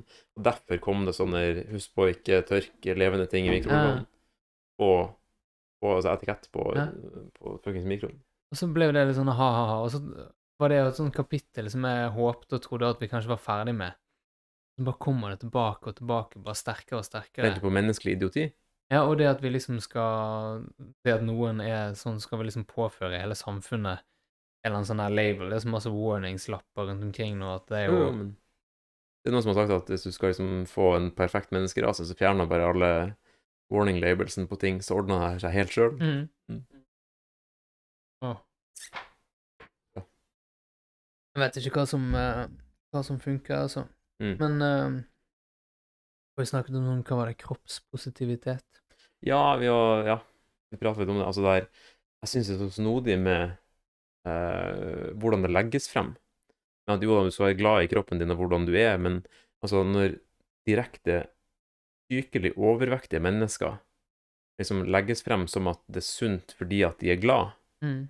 så er det noe som er feil her. Ja, For da er den tannlegen, og det blir jo som noen kommer med helt syrefuckede tenner som nesten ikke fungerer lenger. For Mm. det er liksom like før du bare må røske ut hele driten og sette inn uh, fake tenner. Og jeg er glad i tennene mine. Sånn som de er. Ja. Det, legg det opp sånn, så høres du helt hjerneskada ut.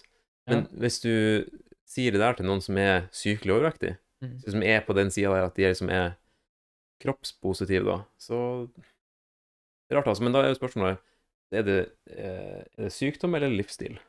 Og burde det tillates? Du har uansett et usunt forhold til mat, da, så det er jo noe psykologi ute der. Ja. Da tenker jeg sånn at kanskje første kampen er å komme over det og Vet ikke jeg. Bli glad i seg sjøl. Lære seg sjøl å like, for så å ta det neste steget. Jeg vet ikke, men jeg, men jeg syns jo det er litt sånn farlig Det farlig propaganda å spre, da. Mm. Som man kan kalle propaganda. Det, du- ja, det er jo Det det? senker jo listen. Altså, du endrer standarden for å treffe, uh, treffe der du er. Ja. Det der er jo Så er det sånn at hvis du er i, i, i gråsona, som egentlig mange er Det er veldig mange som er litt sånn, sånn chubby, mm, som ikke er direkte sykelig eh, overvektig, men de er jo på vei dit. mm, Så kanskje man er- tilrettelegger for det. mm, Vet ikke. Men samtidig er jeg, jeg er ikke for at uansett om man liksom er stygg eller syk eller øh, Så skal man ikke gå rundt og grave seg ned heller, da.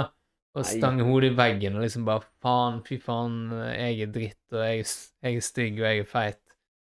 Nei, det er jeg helt enig med deg Så i. Det er et vanskelig tema. Det er vanskelig. Ja, men at det er mye psykologi i det, det tror jeg definitivt det er. Altså, et av yndlingsordene mine nå for tida er kognitiv dissonans. Jeg elsker det uttrykket, for det, det treffer på så mange felt. Mm. Dette er jo en av dem. Der du gjør noe som du vet er farlig for deg, men som du allikevel fortsatt gjør. Mm. Mm.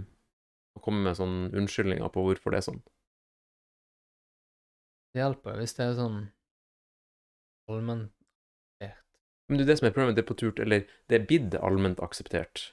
Altså, du kan liksom ikke si noen ting kritisk, føler jeg lenger. Det er sånn fucka, for det der um, cancel culture-opplegget, at hvis du sier noe feil, mm. så skal du brennes, og da skal alt slettes som du har borti, og du skal bare av internett, du skal miste jobben og miste inntekt, og du skal bare bort. Mm. Eh, à la Greg Glassman fra CrossFit, Mm. med den her eh, George Floyd-kommentaren, som jeg enda ikke skjønner hva problemet var. Men noen ble snurt, og følte at de hadde trødd på tærne, og dermed så skal, skal det slettes. Få det bort. Sånn, er vi blitt så hårsår? Altså, hvor, hvor er, altså, hva er det som skjer her? Hvorfor er det Jeg, sånn? jeg elsket jo han og han uh, Sevan, Sevan Matossian. Ja. At, jeg- at jeg digget Greg Glassman, var fordi at eh, han, uh, han sto jo på sitt. Han var liksom sånn her imot games. Games var jo liksom sånn uh, millionindustrien, fikk, mm. fikk jeg følelsen av. da. Jeg vet ikke om games i seg sjøl var det, men i så fall indirekte, da. Ja. Det var det som var pengemaskinen. Og han var vel liksom bare fuck det. Dette handler om helse. Ja, det. Drit i det flashy greiene. Jeg legger ned hele driten. Jeg bryr meg ikke.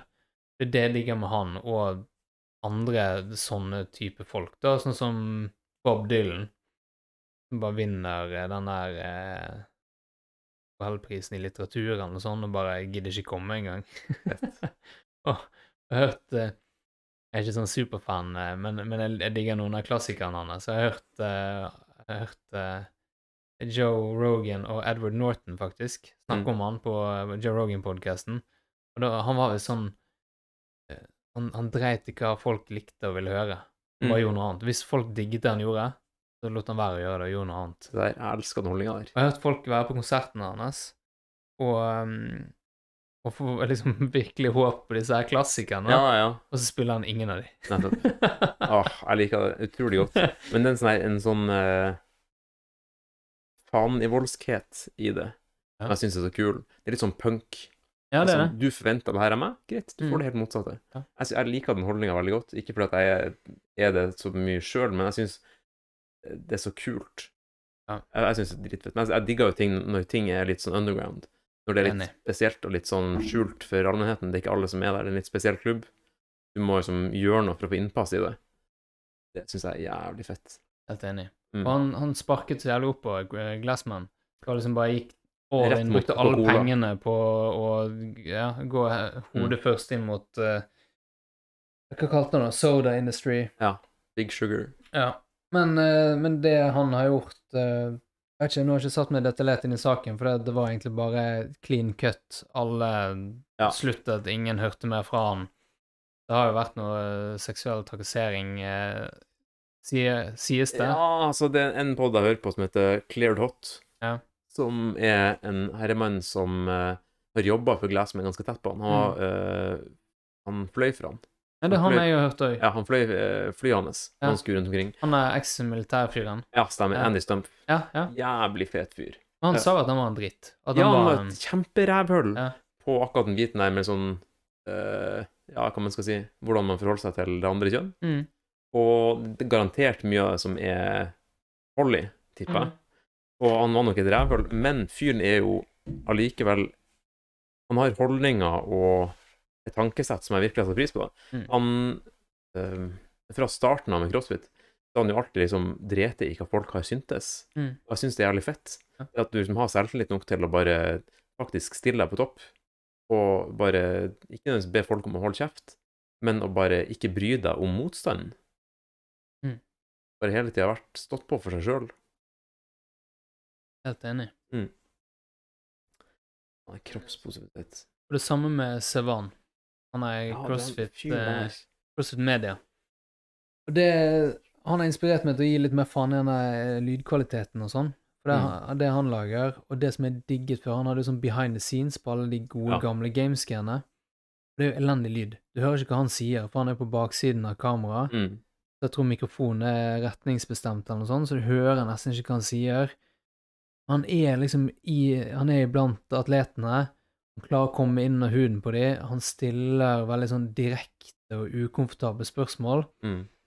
Og de som, de som trigger på det, og de som, har noe, de som er litt kjappe i replikken, som for eksempel Josh Bridges Så jævlig bra innhold av det. Mm. Og en sånn annen figur, jeg husker ikke hva han heter lenger, en superalternativ. Han sto på regionals, og så drev han og ristet etter konkurransen. Jeg vet hvem det er, men jeg husker ikke navnet på Han han. bare sto der, og så bare Han skulle liksom riste løs han og sånn, så han sto i fem minutter, han er på timer og alt mulig, så sto han bare og ristet hele kroppen. Ah, Helt corny. Han trente jo i sånne jævla jeans-shorts. Ja, stemmer. han tok hele regionals, som da er kvalifiseringen til games. Du må holde et rimelig høyt nivå for å være der. Han bare kommer inn som en sånn boms fra gaten med sånne jeans. Uh, Digga det. Ja, det er helt konge. Digga det. Han var artig. Men han har jo blitt helt superalternativ, da. Han drikker sitt eget piss. Nei, han uh, ristefyren. Å ja. Han drikker sitt eget piss. OK. Det er jo en sånn greie. Det har ikke jeg gått inn i, holdt på å si. Verken, prøvd eller, eller satt meg inn i Ja. Hvor mange blokker er det i en desiliter piss? En halv, kanskje. Det var et eller annet med at han bare Han la det ut på Instagram, og han sto på morgenen, og så gikk han og pisset i eh, en sånn, sånn norgesglassaktig greie. Og så bare drakk han det at han hadde pisset. Hæ? Og han eh, Han driver og Det er en sånn greie han gjør med å sole rævhullet sitt. Ja. Der andre har gått andre veien og bleika det, så tenkte Ja. han at Ja. Hm. Jeg skjønner bare Det å sette et bilde av at han ligger liksom i spagaten nesten, med sånn ræven rettet opp mot solen. Og en sånn her eh, sånn solskjold liksom for å lede sola inn. Aluminiumsfolie rundt. Det er så jævla tidlig. Ah. Og han er konge. Han, må, han figuren der må jo nesten sykle sånn enhjulssykkel til regionals. Selvfølgelig gjorde han det. Kommer rett fra Burning Man. Ja. Ja. ja. Men faen, Burning Man, ja. ja. Men han Sevan, jeg får ikke helt taket på han. For Den her der podden han har laga med, med Matt og Josh, er jo bra, men lydkvaliteten suger på de første. Det blir bedre etter hvert. Men jeg, jeg, jeg fatter ikke fyren, for han er Det er noe jeg, jeg, greier ikke å sette fingeren på det, for jeg liker fyren i forhold til en del holdninger han har. Mm. Og spesielt det der uh, mediebiten som han drev, var vanvittig bra. Mm. Uh, men her for en stund siden så hadde han en sånn historiesak på Insta om spedbarn.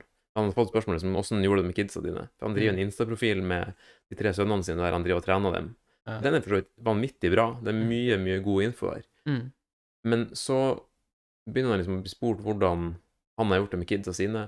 Han kommer med ting sånn som at eh, barna skal ikke vaskes på en god stund. Du skal ikke la leger være borti dem. Eh, ikke la leger kødde med ungene dine. Mm. Som sånt. De skal helst fødes hjemme.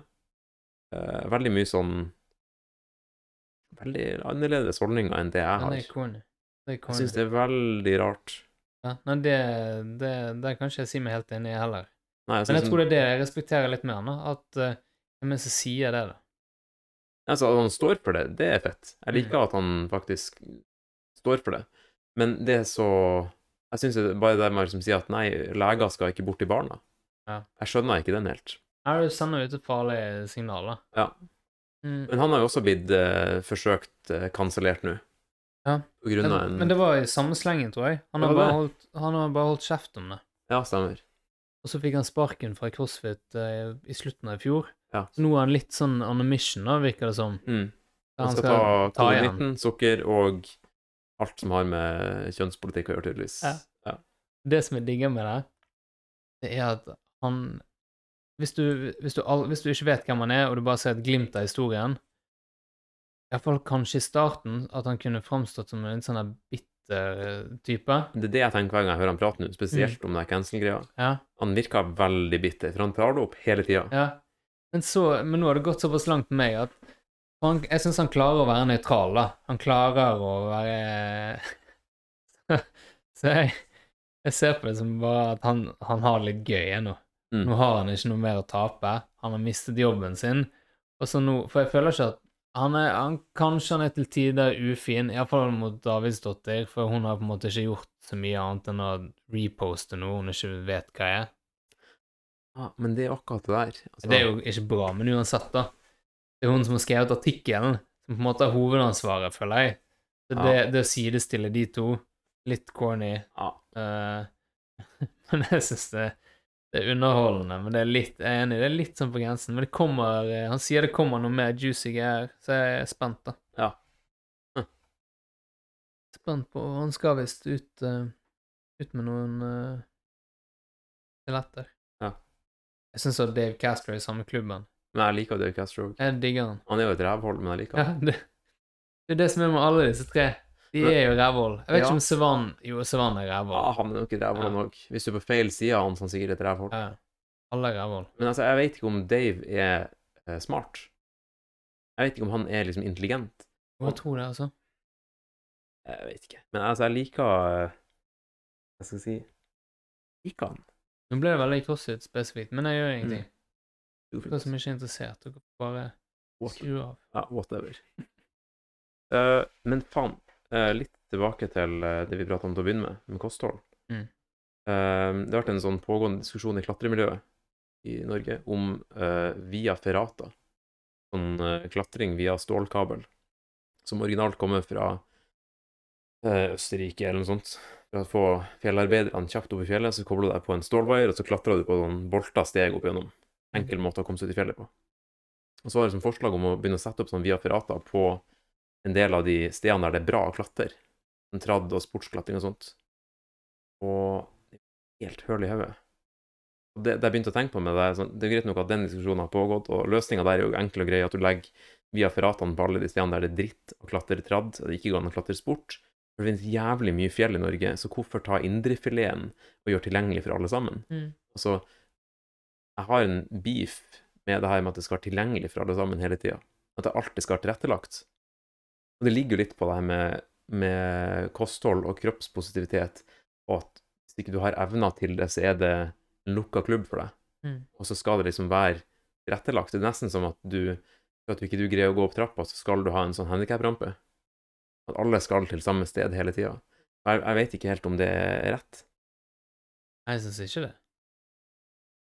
Jeg syns ikke det. Det var jo Så det, da er spørsmålet liksom, skal alle sammen ha lik rettighet til å komme seg ut i naturen? Mm. Skal det være tilrettelagt for alle sammen? Er det sånn at øh, det er en menneskerett å komme seg ut på fjellet og komme seg opp på en topp? Nei. Det syns jeg ikke. Men da er altså, Jeg har jo skrevet noe, noe her. Men hva med, hva med Everest, da? Mm. Da du, altså De fleste som klatrer opp der, de bruker oksygen. Hvis du må ha oksygen for å komme deg opp, burde du få lov til å dra opp? Hvis du må ha hjelpemiddel for å komme deg dit? Altså, her er jo du har Og det har jo blitt en industri. Ja, men så Nå vet jeg ikke hvordan den utviklingen har vært, men det er sikkert ikke det samme å dra på Sikkert i en vanvittig dårlig vei. Sikkert kjempenegativt. Ja.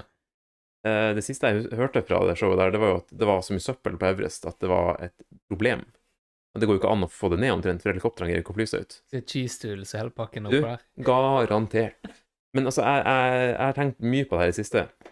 At hvis du skal opp på Everest, og du ikke er i stand til å gjøre det uten oksygen, burde du få lov til å dra opp. Hvordan kan vi skjerpe det? Burde du bære din egen dritt? Ja. Det er akkurat det du, som du har Hele opplegget med Everest er at man har satt et sånn befestningsprosjekt for å komme seg opp. Du skal ha så jævlig mye drit med deg for å liksom greie å få det til. Og det er greit nok at du har betalt for å gjøre det, men spørsmålet er jo nok en gang altså, er det en menneskerett å komme seg opp dit. Mm. Burde det være noen begrensninger på det her? For at hvis du er for overvektig til å greie å klatre opp sjøl, Mm. skal vi ikke ha via pirater som får deg opp dit. Men du skal få lov til å gå på Everest, bare du betaler for det. Ja, for det, var det jeg skulle si òg. Det er noe med økonomien i det, det som, som ødelegger litt for meg. Det er et eller annet med at hvis du kan få det til så lenge du bare betaler da. Selvfølgelig, det krever jo mer enn å bare betale. Du må jo uansett trene og være sikkert litt uh, fitt og oppegående. Men uansett, da, hvis du, hvis du må betale for det, faller litt, litt vekk for meg. Ja, samme. Det er det som er hele poenget med, med litt sånne ikke-materielle ting. Det er jo det at man eh, Man må jobbe, jobbe for det. Du kan liksom Du kan ikke jukse. Nei, det går jo tilbake til det her vi har som hovedfokus i den poden her. Det at innsats er verdifullt. Mm. Det er akkurat samme som jeg tenkte på fridykking versus vanlig dykking. Sant? Du kan ikke fucke med, Du får ikke med å holde, holde pusten. Du får ikke fridykking gratis. Hvis du, eh, hvis du ikke trener på det, så får du ingen Du kommer deg ikke lenger ned, du får ikke bedre bunntid. Hvis du skal drive på med jakt, så må du trene på det.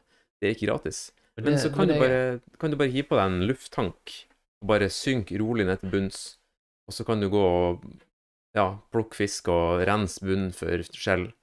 Altså, det her er sånn Burde det være sånn? Altså, men spørsmålet er igjen, altså, er det en eh, Ja, hvorfor? Hvorfor ikke? Det var derfor jeg likte CrossFit, uh, spesielt i starten. Da at Mm. alt var så målbart. Du kunne sammenligne med folk og sånn. Men så blir det sånn som alt annet. Ting sklir litt ut. Kvaliteten eh, holder seg ikke like bra lenger, nødvendigvis. Standardene senkes? Mm. Det ble liksom sånn litt ødelagt. Jeg elsker sånne ting der du kan måle det. Mm. Det at meg og deg uh, holder pusten under vann. Du kan ikke jukse der. Nei. Det er Det liksom er, det er helt sant. Der kan vi sammenligne. Under vann, hvis du var 30 sekunder og jeg var 35, så, Det er åpenbart. så var det sånn. Det helt åpenbart. Mm. Samme klatring òg. Nå har ikke jeg klatret på 100 år, så jeg burde nesten ikke snakke om det klatring lenger. men samme faen, da. Der er det en vegg, og der er det noe tak, og det er noen enkle regler. Mm. Så, så hvis vi klatrer den samme ruten, eller hvis jeg klatrer en rute du ikke klarer, så har jeg klart Da vet vi det. Det Det er verste ikke sånn er Ja, men du gjorde det på en annen måte, så bare Ja, men det er lov å gjøre det på en annen måte. Mm. Vi har forskjellig kropp, vi har forskjellig stil. Vi kan uh, Innenfor reglementet så kan du gjøre det hvordan faen du vil. Det, så jeg liker sånne ting som er en, enkle å måle, sammenligne. Og da blir det litt gøyere å konkurrere. Nå sporer vi skikkelig av, da. Men det Men jeg syns det er veldig bra. det er det jeg syns er dritt med litt sånn vintersport og sånn, at utstyret har så mye å si. Du har Norge som kjører opp med en fuckings smørebuss eh, til millioner med en fuckings astma-forstøverapparat holdt si, oppe i andre etasjen, der de bare kan benke seg ned og få i seg eh, Hva er de får i seg? Fluor. Fluor. Det der forstøverapparatet er astmamedisin. Ah, jeg, jeg trodde du skulle si at de kjører opp en hel smørebuss, og nedi der så er det en herremann som har lungekreft. det var de. Ah, det er Og så kommer de... De ikke artig å ha lungekreft, men ja. Og så kommer de her fattige nasjonene, sant? Som ikke har eh, Som ikke har hatt et sånt eget snøteam i, eh, i Sotsji i flere år i forveien for å liksom forske på snøen. Det, Tenker sånn- Er det like forhold her? Nei, for du kan kjøpe deg god. Mm. Altså, Men, men det er friidrettskonge, sant? Der løper de. Boom. 100 meter. Ja, men 400 meter hekk. Så whatever. kommer Nike Pegasus-skoen, eller hva det heter, Ja. med karbonsåle, der du får en bevist uh, 8 forbedring på uh, Men Jeg tror ikke det er relevant på sånn baneløping. Tror du? Nei. Jo, selvfølgelig. det er jo pigg uh, Men. Ja, men at du har pigg, at du har grep, er jo en ting. Ja. Men at skoen hjelper deg. Altså, du har plutselig et produkt som gir deg mer eh, fart. Hvor det var mer sånn langdistanse? Det kan godt hende. Altså, her er nok en gang Ja. fylt inn nis. Og det er det han er eh, Han løp maraton under to timer har brukt, var ikke Ja, det? stemmer. Men det, det som er så fucka med det, er at du har plutselig et produkt som noen har, mens andre ikke har. Mm. Det er ikke a level playing field. Det er for så vidt greit at eh, teknologien går fremover, men sånn som på Games der Rebook var eh, sponsor, Mm. der de tvang alle sammen, eller tvang greia var at du fikk ikke brukt noe annet enn Rebook sine produkter. Mm. Alle stilla helt likt. Det er konge, da. Jeg syns det er dritbra. Så hørte jeg eh, mentoren min, Mark Twight, prate om det her pegboard-greia der alle feila. Mm. Der han sa at hvis noen hadde vært intelligent her, så hadde de regummert skoene sine med klatresålegummi. Så hadde ikke det vært noe problem. Ja, jeg syns det er artig. Men det at du liksom endrer utstyr, så endrer du også hvor flink du er. Ja. Ja, snodig. Bruker ikke beina på pegboard, det, altså. Jeg er så sterk, Altså- jeg er så sterk i armene. Men så pegboard, grunnen til at du skal Det her er jo en sånn info-info til alle sammen som driver et gym eller har prøvd pegboard. Grunnen til at du har pegboard på gymmet, det er for at du har for lavt tak til å ha tauklatring. Det har ingenting med pegging å gjøre. Kan kan hende. Hvis du detter rett. Da må du ha tape over ræva, eller? Aldri tenkt på det når jeg har sagt pegboard før. Men Nei. det, det bare slo meg nå, så tenkte jeg bare Jeg må jo si det på poden. Ja, ja. det. Putt det i shownotesen. Ah, shit, ass. Mm. Nei, det jeg liker med å ikke bruke beina på pegboard, da, Ja. det er For det, da kan jeg være helt tett, kliss inntil veggen. Mm. Så bare limer kroppen min helt inntil pegboardet. Bare opp med hendene. Mm. Men så jeg føler at hvis, hvis du bruker beina, du får kanskje litt grep, men samtidig så risikerer du å dytte deg sjøl ut fra brettet. Mm. Så Det er rått. man eh, er sterk nok. Ikke bruk beina. Du jeg. det? Mm. Jeg syns det er snodig det der med utstyrsbruk. Eh, Jeg bruker jo Strava ganske mye til å ja, logge trening og alt sånt. Eh, Og det gir jo en statistikk. Altså, det gir jo veldig enkelt bevis på om du er raskere eller ikke. Så jeg har to ganger løpt et sånn halvmaraton hjemme i Nord-Norge mellom et par fjell. Eh, og det var jo veldig enkle svar, da. En året så sprang jeg på tre og en halv time, neste år springer jeg på tre timer. Du har beveget deg samme distansen, og du gjør det fortere. Det er Mm. åpenbart at noe har endra seg her. Og det med Everest og oksygen Kilian Jorné uh, Han er ikke spansk, men han er fra Jeg skjønner det. Nei, jeg tror ikke han er spansk. Han er I hvert fall i området bor han, men Mm. bor i Åndalsnes. Og daglig så springer han 2000-metertopper. Driver med sånn skyrunning. Har gjerne med seg isøks og ski. Og springer opp, og så kjører han eh, Fiva-ruta ned på første bestigning opp på et fjell der. Med klatring opp. Den kjørte han på ski ned. Altså han er en ganske rå type. Han har jo sprunget Everest uten oksygen. Er ikke det litt sånn eh, kontroverser rundt det? Kanskje noen, noen mente at han ikke hadde bevist det, på en måte? At det var noen sånne GPS-logger eh, Mente jeg leste så vidt opp på det. Ja, det vet jeg ikke. Det, Jeg vet ikke om det var den, eller kanskje det var K2. Mm. Kanskje det var K2. K2 er et mye, van- mye verre fjell. Ja. Det er sikkert ikke så mye søppel. Nei, det tviler jeg så på. Det der er litt artig, at de stedene som er, som er eh, vanskelig og utilgjengelig, der er det ikke så mye ting som skjer. Det er rart, men nesten som at man har endra standarden og bruker mer utstyr for å komme seg dit. Kanskje. Sånn det. Kanskje. Eh, men i hvert fall, han sprang eh, Everest, og eh, slo ikke tida opp. Så hvilte han i to dager, og så gjorde han det på nytt. Uten oksygen. Nice. Og da står det jo Det er jo skikkelig respekt av det, tenker jeg. Mm.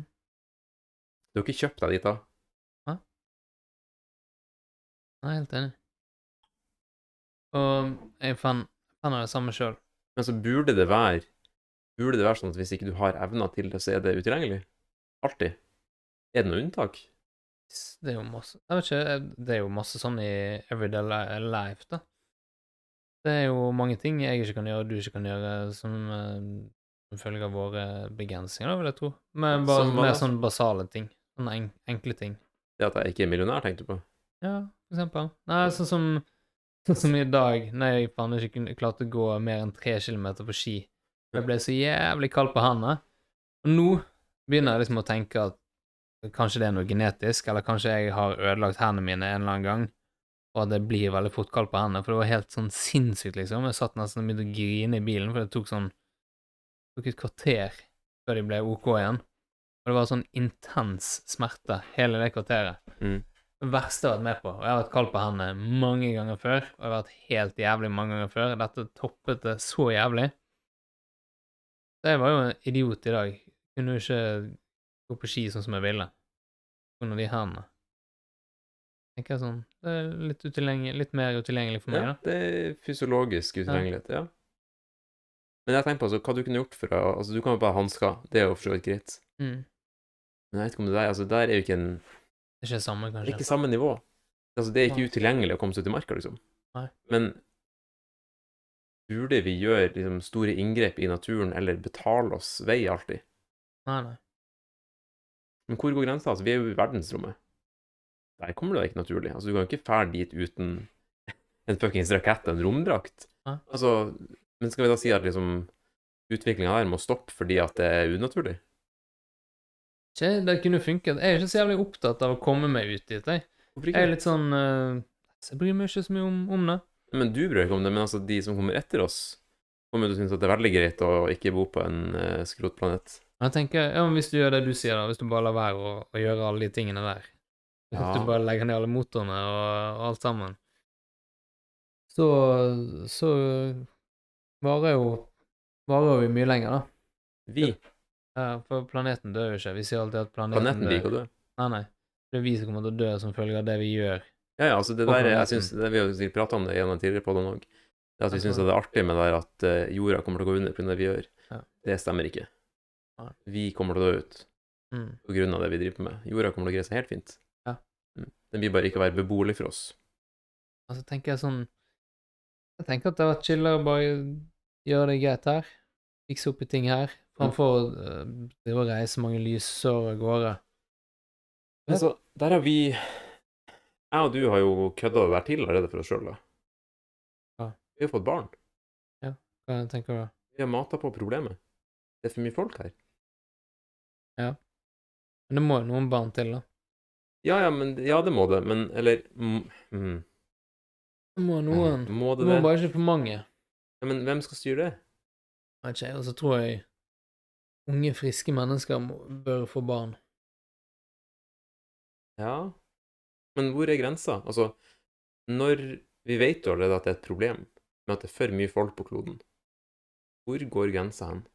Altså, skal man ha et sånn totalitært regime à la Kina, der alle sammen får bare lov til å få ett barn for å styre befolkningsvekst? Eller skal det være frislipp, sånn som det er nå? Det skal være frislipp. For han er eh, gode, gamle svenske professoren. Hvem? Han er død nå. Han, var, han gikk viralt eh, med noen sånne videoer. Han drev og forklarte noe sånn befolkningsvekst med noe kuler og noe greier. Det har jeg ikke sett. Jeg må finne ut hva han heter. Det er et eller annet med, med sånn med, med når, Men når land utvikler seg, når det blir liksom mer moderne, industrialiserte land, sånn som Norge, Mm. så flater den kurven ut av seg sjøl, da. Så, Det er på grunn av at man har mer utdanning. Ja, og det bare, det bare går seg til, da. For det, ja, det er jo I u-land så må du føde mange unger fordi de kan dø av sykdommer, og så må du ha noen til å passe på deg når du blir eldre. Mm. Og det sier mange, mange mange mer faktorer enn det. Men jeg tror det flater ut. Så når nå eh, de Ja, de største landene, sikkert India, Kina, når de kommer seg opp og fram, så vil, vi, vil nok det der flate ut uh, det sjøl, visstnok. Mm. Sånn statistisk sett. Så, så jeg vet ikke, jeg tror det går seg til, altså. altså Løsninga er å få alle u-landene opp til å bli Ja, Vi må få de opp. Det her oppe har du kontrovers. Det hørte jeg på Nytt på Nytt, så ja, Men jeg tror det er, det er forholdsvis bra kilde. Og Det som fascinerer meg, det er at nå får vi covid. Vi har ikke snakket om covid i det hele tatt. Faen, nå brøt jeg den. Det er jeg som hadde nesten som, som mål at vi ikke skulle snakke om det. Hvorfor? Vet ikke. Bare litt sånn faen. Ja, jeg skal ikke si at jeg er lei, for det er jeg ikke. Det er bare sånn det er. Jeg begynner å bli, jeg begynner å bli lei. Jeg har ikke lyst til å være så jævla fet og kul og bare Nei, jeg bryr meg ikke. Jeg begynner å bli lei. Det er derfor vi ikke har hatt pod på så lenge. Vi har, Ja. ikke møttes, vi har ikke møttes fysisk annet enn eh, ute. Mm. Eh, så det er dritt. Men vi får jo vaksiner. Og vet du hvem som ikke får vaksiner? De som er fattige. De som er fattige. De Ja. som er u-land. Vet du jo hvor eh, de prøvde ut vaksinene først? I u-land. Si seg sjøl. Helt insane, da. Ja, men det er jo sånn det er. Altså, verden Det er, sånn er. styrt av penger. Det er sånn det er. Men allikevel, da. Og sant, hva kan du gjøre? Du kan ikke si jeg vil ikke ha vaksinen. Jo, det kan du, du men kan da kan du også Men det hjelper ingen i noe u-land. Den hele jævla vaksinen må jo være laget på minus 70 grader, og hvis ikke så bare poff er den vekke. Mm. Iallfall den første til Hva det het Pfizer. Same, same. Pfizer. Mm. Pfizer. Så um, du kan ikke gjøre noe. Eller det beste du kan gjøre, er å ta den jævla vaksinen. For det hjelper jo hele verden, da, at du tar den vaksinen. Det som er så fucka med det her, det er at i og med at de eh, fattige landene ikke har råd til vaksinen, så kommer jo det her til å være et problem veldig, veldig, veldig lenge. Jeg tror ikke vi blir kvitt uh, covid, sars, V2. Nei, du må jo ha litt eh, OK infrastruktur for å kjøre rundt med vaksiner på minus 70 grader. Det er altså, litt vanskelig i Afrika. Ja, definitivt. Men jeg, jeg tror ikke det blir borte, fordi det kommer til å være sånne lommer i verden Ja. der det ligger og vaker hele tida, akkurat sånn som malaria og all annen drit. Ja. Det, det kommer aldri til å bli et, Jo, det er en god stund før det her er borte. Det Først jo- hadde en pandemi. ja. Hele verden har hatt smitte, liksom. Det er jo ikke noe krise så lenge det får sirkulert litt. For det at eh, når, mot, uh, når folk har vært syke, når vi har fått vaksine, når det liksom er en viss immunitet, Jo, det er flokkimmuniteten som ja, kick- kicka inn der. så, så blir jo det, selv om det ikke går vekk, så blir det på en måte som en influensa, på en måte. Ja, det er akkurat det det kommer til å være. Det jeg syns det er jævlig interessant det med dødstallene som er rapportert inn fra USA. Ja. Alt er visstnok labela som et covid-dødsfall. Ja. Hvis du har eh, hjertefeil, eh, men hadde covid, og du dør av hjertefeilen, Mm. covid. Så det den statistikken Den er jo verdiløs. Hvis det Ja. det stemmer, så er det jo helt verdiløst. Mm. Jeg visste ikke. Men jeg vet jo at de har forskjellige måter å gjøre det på. Nei, Jeg har hørt mye, mye på podder, så jeg trenger ikke å stemme. Kan hende du får noe penger, du får noen midler. Ja, det Hvis kan du godt har hende. mange covid-dødsfall, eh, så får du ned midler. Ja. Så det nyeste som dukket opp i USA, at du skulle bruke dobbel maske. Da hadde du, hadde du mer beskyttelse. Best av trippel maske. Har du sett deg gjennom sånn der analtest? Nei. Jeg har ikke sett noen filmer, filmer av det. Det høres litt rart ut. ja. Det var han som var han som linket på Insta, da. At eh, det var en film fra Kina eller Asia en plass. Der det var en fyr som demonstrerte hvordan du testet uh, i ræven. da. Mm. Jeg vet ikke om det er mer nøyaktig, eller om det er for folk som ikke klarer å få den pinnen ned i, i, i nesen. Han demonstrerte på en dukke. Skulle stoppe sånn uh, q-tips inn i ræven på en dukke. OK. Og så var han skrev Håper dette blir Mandatory. obliga Ja. obligatorisk for alle som skal ut og fly, og alle idrettsutøvere. Mm. oh, Vet du, jeg legger med Insta-profilen til Sevan og i shownotesen. Ja. Bare sånn at folk kan se litt på det. Men ikke bli skremt. Han kan virke, vel, han kan virke litt sånn uh, manisk, faktisk, Ja. om dagen. Du, Kanskje det er det? Han er bipolar? Men jeg syns han er veldig avbalansert, da. Han, altså, det som jeg slår meg med er at han virker intelligent. Mm. Han virker veldig sånn uh, calm, cool and collected. Ja. Men han har noen interessante holdninger og meninger. Mm. Mm. Det er nyttig å få litt av det inn i livet òg, da. Det tenker jeg er lurt. For det, så slipper du å havne i ekkokamera, bare omgis med folk som mener det samme som deg. Og det er derfor jeg liker han litt nå òg. Du må kunne gå an å si litt forskjellige ting, da. Mm. Vi var jo tydeligvis en, uenige med han med det barnegenet. Det er mye jeg er uenig med han på. Ja, det er jo helt konge, da. Ja, jeg syns det er litt viktig ja, liksom, å kunne si at man er uenig, uten at det betyr at man skal stenge det ned.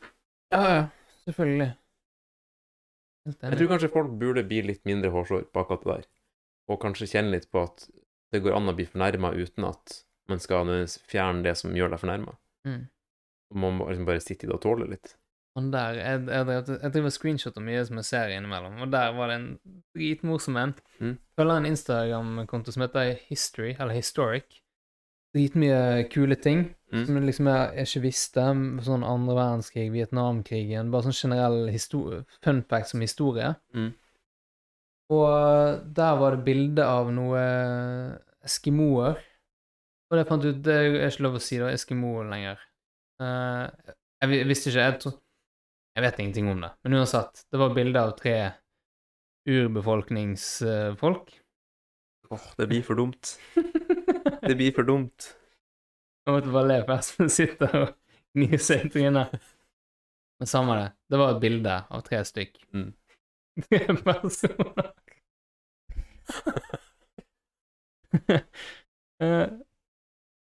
Med med en sånn pelshette og sånn. Samme det. Så er det Urbefolkningsbekledning. ja. Og så, og så er det en fyr som skriver i kommentarfeltet My life with the Eskimos, eller et eller annet sånt. Og så, og så er det en dame som tilter på han, da. Ja. Skriver sånn her Eskimos eh, Hva heter det? G Ja, ja, ja, G- racial slur. ja, og Ja. det bare Og jeg trodde nesten det var en sånn spøkekommentar, fordi hun skrev det som alle sier når de gjør narr av sånne krenkefolk. Sånn eh, Please educate yourself, eller noe sånt. Ja, sto det i kommentaren, så jeg ble litt sånn usikker på om det var kødd eller ikke. Og så svarer han fyren, da. Nei, nei, nei, det, det er tittelen på boken. For det at bildet var visst cover av en bok. Ja, stemmer. Og boken heter My Life with the Eskimos. Ja, stemmer, men det er ikke lov. Og så skriver han det. Han, skriver, han, han så på kanskje det som en quiz, da. For Ja. det, det var ikke på bildet tittelen. Han ville sikkert bare illustrere at han visste hva det var snakk om. Ja, stemmer. My Life with Eskimos. Hun bare 'Det er ikke lov å si', så han bare eh, 'Det er bilde av en bok. Boken heter Hva? Eh, ja. Men allikevel. Ja, det er ikke lov. Men det speaking of ehm, Vi prater om ting som er Jeg vet ikke om det, er det ikke er lov å prate om. Det er en sang som er jævlig funny, som heter eh, The Only Gay Eskimo. Som er verdt å sjekke ut. Ja. Jævlig funny. Er det han Weird Al? Nei, jeg tror det er fra Mad TV. Ja. Corky and the Pigs, tror jeg den heter på okay. Du, show notes. Ja, Jeg Fantastisk. det med Eskimo, det har aldri Mm. fanget opp. Jeg har ikke Nei. hørt, hørt om at, var, uh, at det òg var ut. Men det er jo alt som liksom setter deg i en bås, Mm. er jo det som er eh, Alt som beskriver det. Skal ikke, du skal ikke bruke rase for å Jo, beskrive trodde, personer. jo, men jeg trodde Eskimo var samme som same, på en måte. Men det kan du heller ikke si. Jo, Nei, kan du det? Ja. sier folk hele tiden. Ja, hvis du eh, NRK heter det samisk TV, ikke? Ja, det er sant. Det er et godt poeng. Så jeg tror det, jeg tror det er lov å si. Nei, jeg vet ikke, jeg har ikke oversikt. Det er ikke, meningen å, å disse det, egentlig. Men jeg bare tok meg sjøl i det. Hvordan, skulle forklare, hvordan skulle jeg fortalt denne historien uten å si Eskimo? Nei, men det er akkurat det her, liksom at du må begrense deg for å kunne forklare noe uten at det skal være eh, du, Men liksom er redd for å bli For å gjøre noe feil, da. Er redd Ja, for å trå på jo- og jeg kunne sagt det for å, dra punchlinen med tittelen, og sagt tittelen, men jeg kunne ikke bygd opp den tittelen uten å si eh, Eskimo. Men Jeg syns det er så fucka, at man, man legger så til rette for at språket skal bli helt ødelagt Mm. rundt det, og det skal være så vanskelig for at alt skal være rett, og du skal ikke trø noen på tærne. Altså, vi kommer til et punkt der vi har loopen er liksom lukka, og du har kødda det skikkelig til. Uh, har du sett uh, Er det åpen post? Alle har sett det klippet med den danske herremannen med punktert sykkeldekk. Camelosa Camiloso? I didn't really know what he was talking about, so I just answered. Det er det som er poenget, at du kommer til et punkt der liksom, språk har ikke verdi lenger, for at alt du sier, må være så eh, lite man, Ja, så lite fornærmende som overhodet mulig, da. Og, eh, Det er så Vanskelig. håpløst. Helt håpløst. I hvert fall når intensjonen er god. Ja, det er det som er problemet. altså Intensjonen kan være hva den vil, for det er tolkninga som blir eh, Måten folk oppfatter ting på, er det som er viktig her, ikke hva som er bakgrunnen på det. Hvis ja, jeg blir fornærma av det, så er det jeg som har rett, Ja. fordi jeg er fornærma. Ja, og den historien min nå, den hadde jo egentlig ingenting med urbefolkninger å gjøre. Det var egentlig bare en krenkehistorie. Det var det som var historien. Mm. Han hadde jo ingenting med urbefolkningen å gjøre. Uh, og det var jo egentlig ikke noe Var aldri målet å Ja, jeg vet ikke. Det var jo bare å fortelle en historie. Ja. That was the goal. That was the goal, ja. Ja, Vi får se om vi lykkes med den. Jeg har eh, lagt til en ting her som jeg skal legge i shownotesen. og Det er en um, Jeg tror egentlig skal å gjøre fremover. Å legge til en artikkel fra uh, vår aller høyeste Mark Twites. Hver gang. For han skriver jævlig mye bra. Han er flink å skrive. Han skriver vanvittig mye bra, og Likte denne endurance-saken. jeg. Uh, Vi har kjøpt oss bok. Ja. Det var derfor vi måtte ut i posten før vi satte oss opp her. Ja, ja, stemmer. Hvis den kom, det hadde vært perfect. Eh, men jeg skal legge med den uh, artikkelen som kanskje er eh, kjipest å lese. Ok. Og hvis dere leser den, så ta oss og si fra på Instagram-profilen til Livet og alt det der, og fortell hva du syns. For det er jeg litt spent på å høre. Det har vært fett om dere gjorde. Mm. Men eh, da ja, må jeg jo lese den, ja, det må du. Mm. Eh, men vi har bestilt oss bok. Vi har bestilt oss Endurance. Vi har laga gjengen hos Non-Profit. Mark Twight, Michael Blevins, Keegan Dillon har laga ny bok. Uh, andre treningsmanualen de har laga. Denne gangen så handler det om utholdenhet. Jeg er jævlig spent. De har laga en som heter Strength òg, som jeg er også veldig interessert i, men jeg har ikke hatt uh, mulighet til å kjøpe den ennå. Jeg gleder meg. Jeg er Veldig spent. Den, den må jeg lese. Mm. Jeg er ikke så flink til å lese. Jeg har det som eh, mål i år. Ja. Jeg skal lese ei bok per måned. Dagen, nei. Om dagen. Og- akkurat, nei. Men jeg, jeg må bli flinkere. Jeg fikk jo bok av deg, den der eh, haiboken.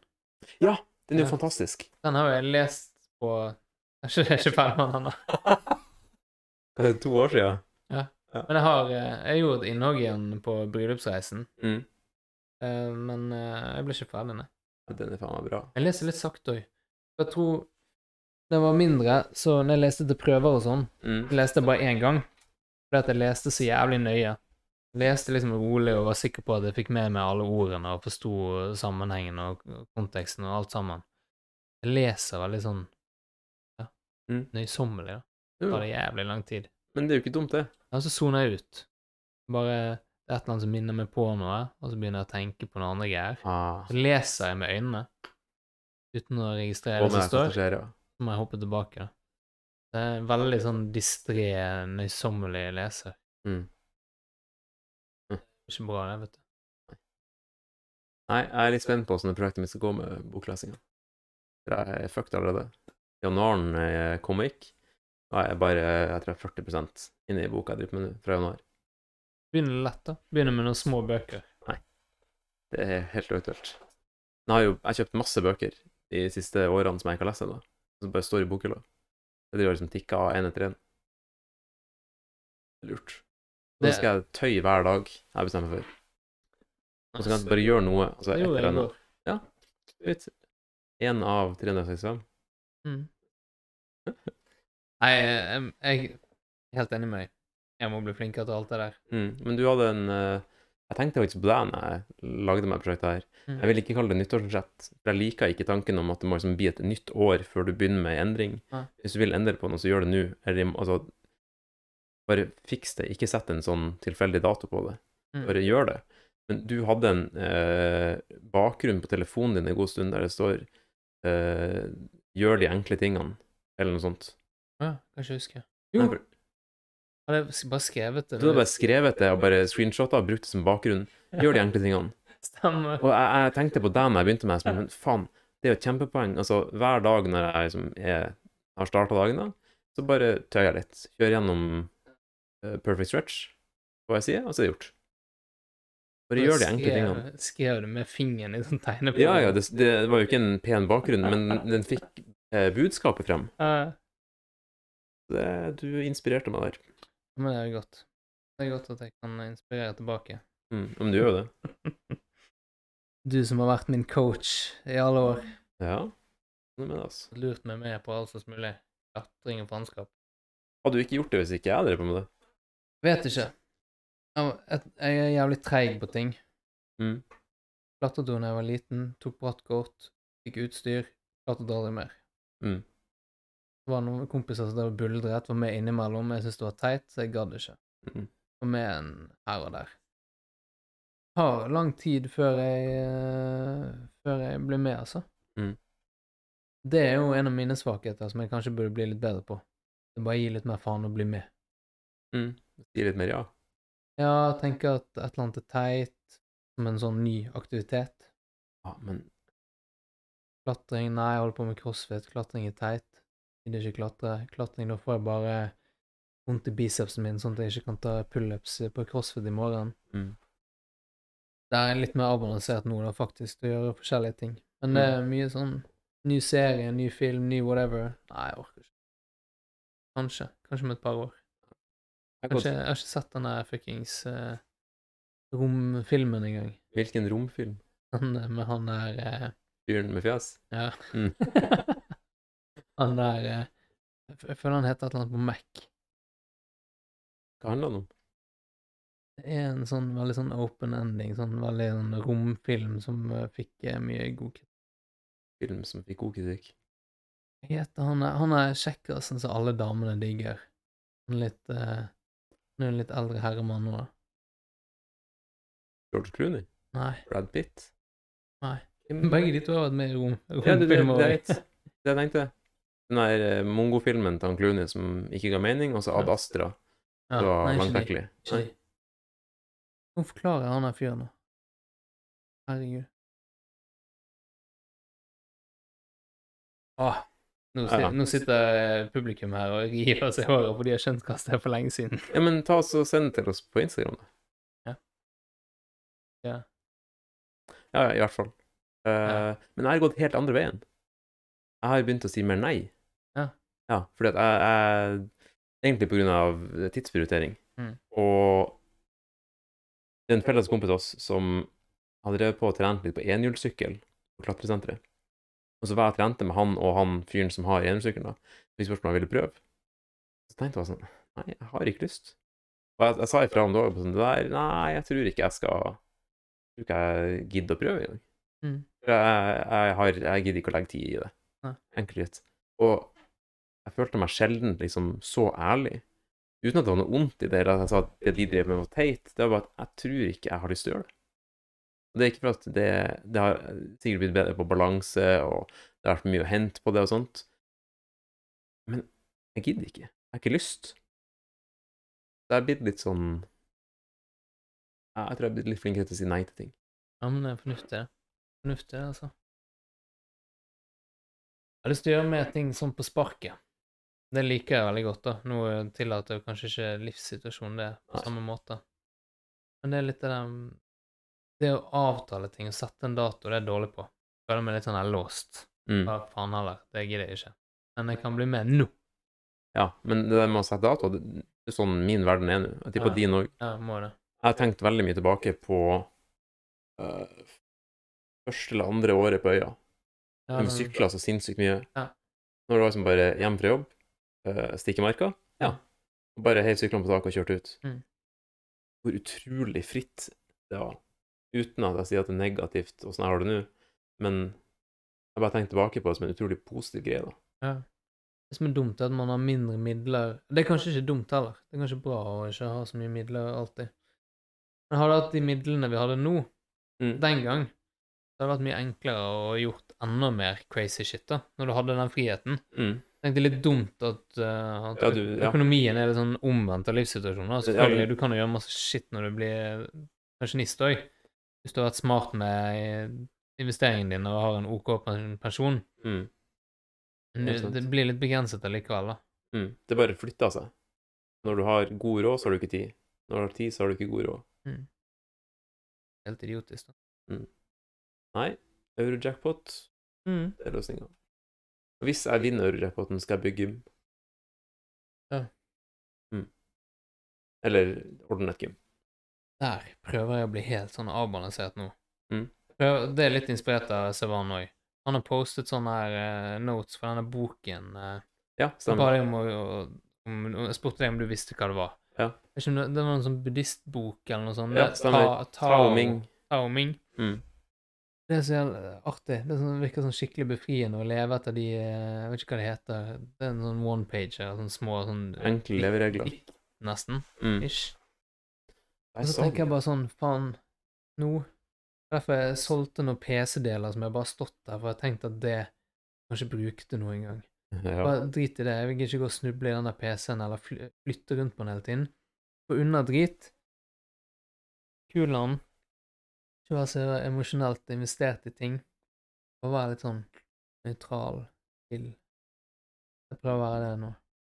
Det er jo brant, eh, jeg brant meg nesten på det i dag, da. På i dag Jeg ble så jævlig kald på hendene, så kom jeg hjem her, var drittsulten.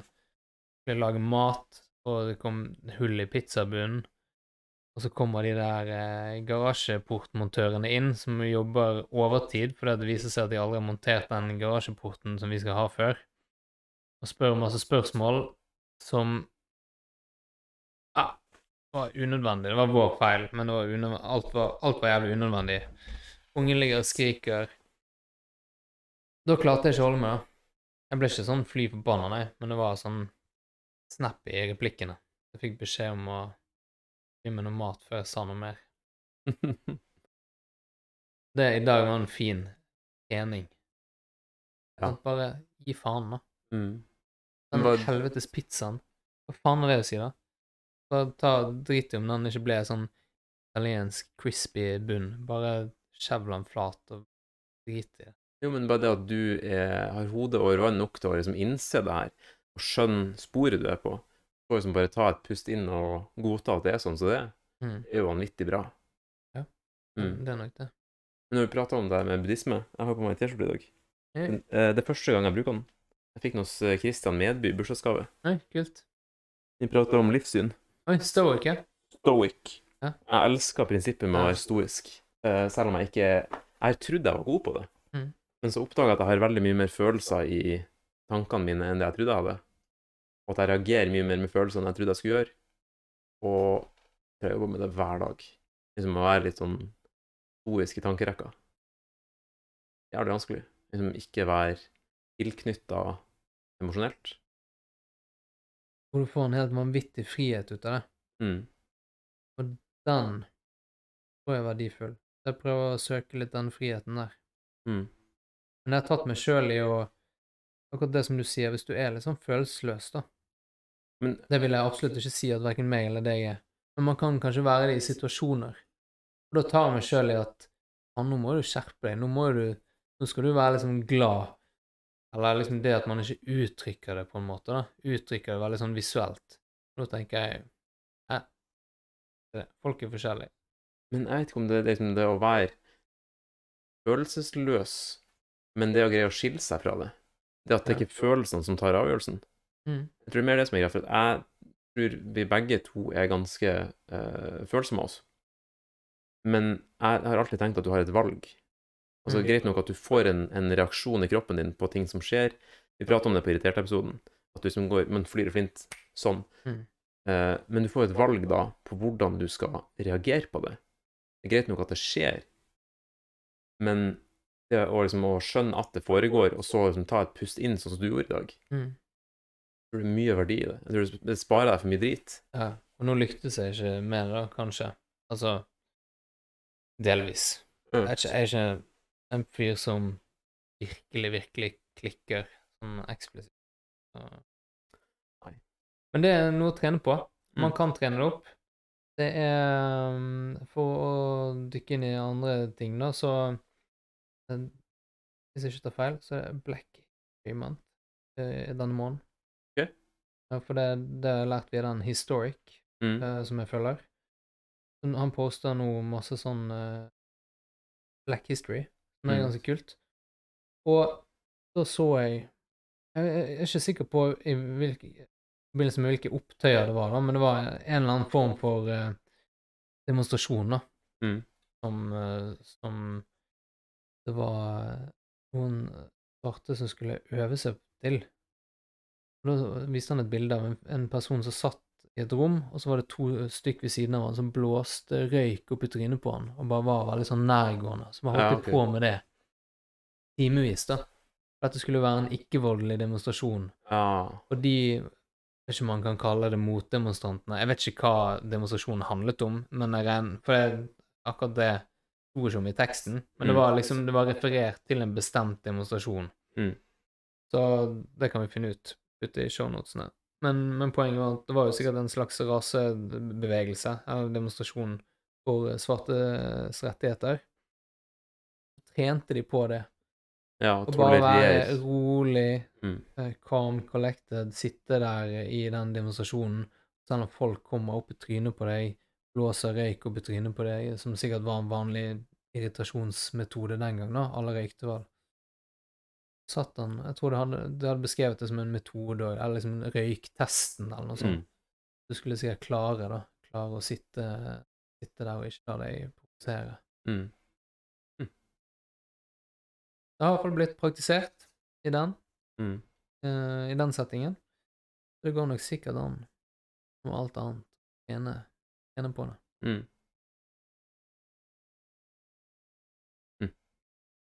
Nå har vi snakket lenge.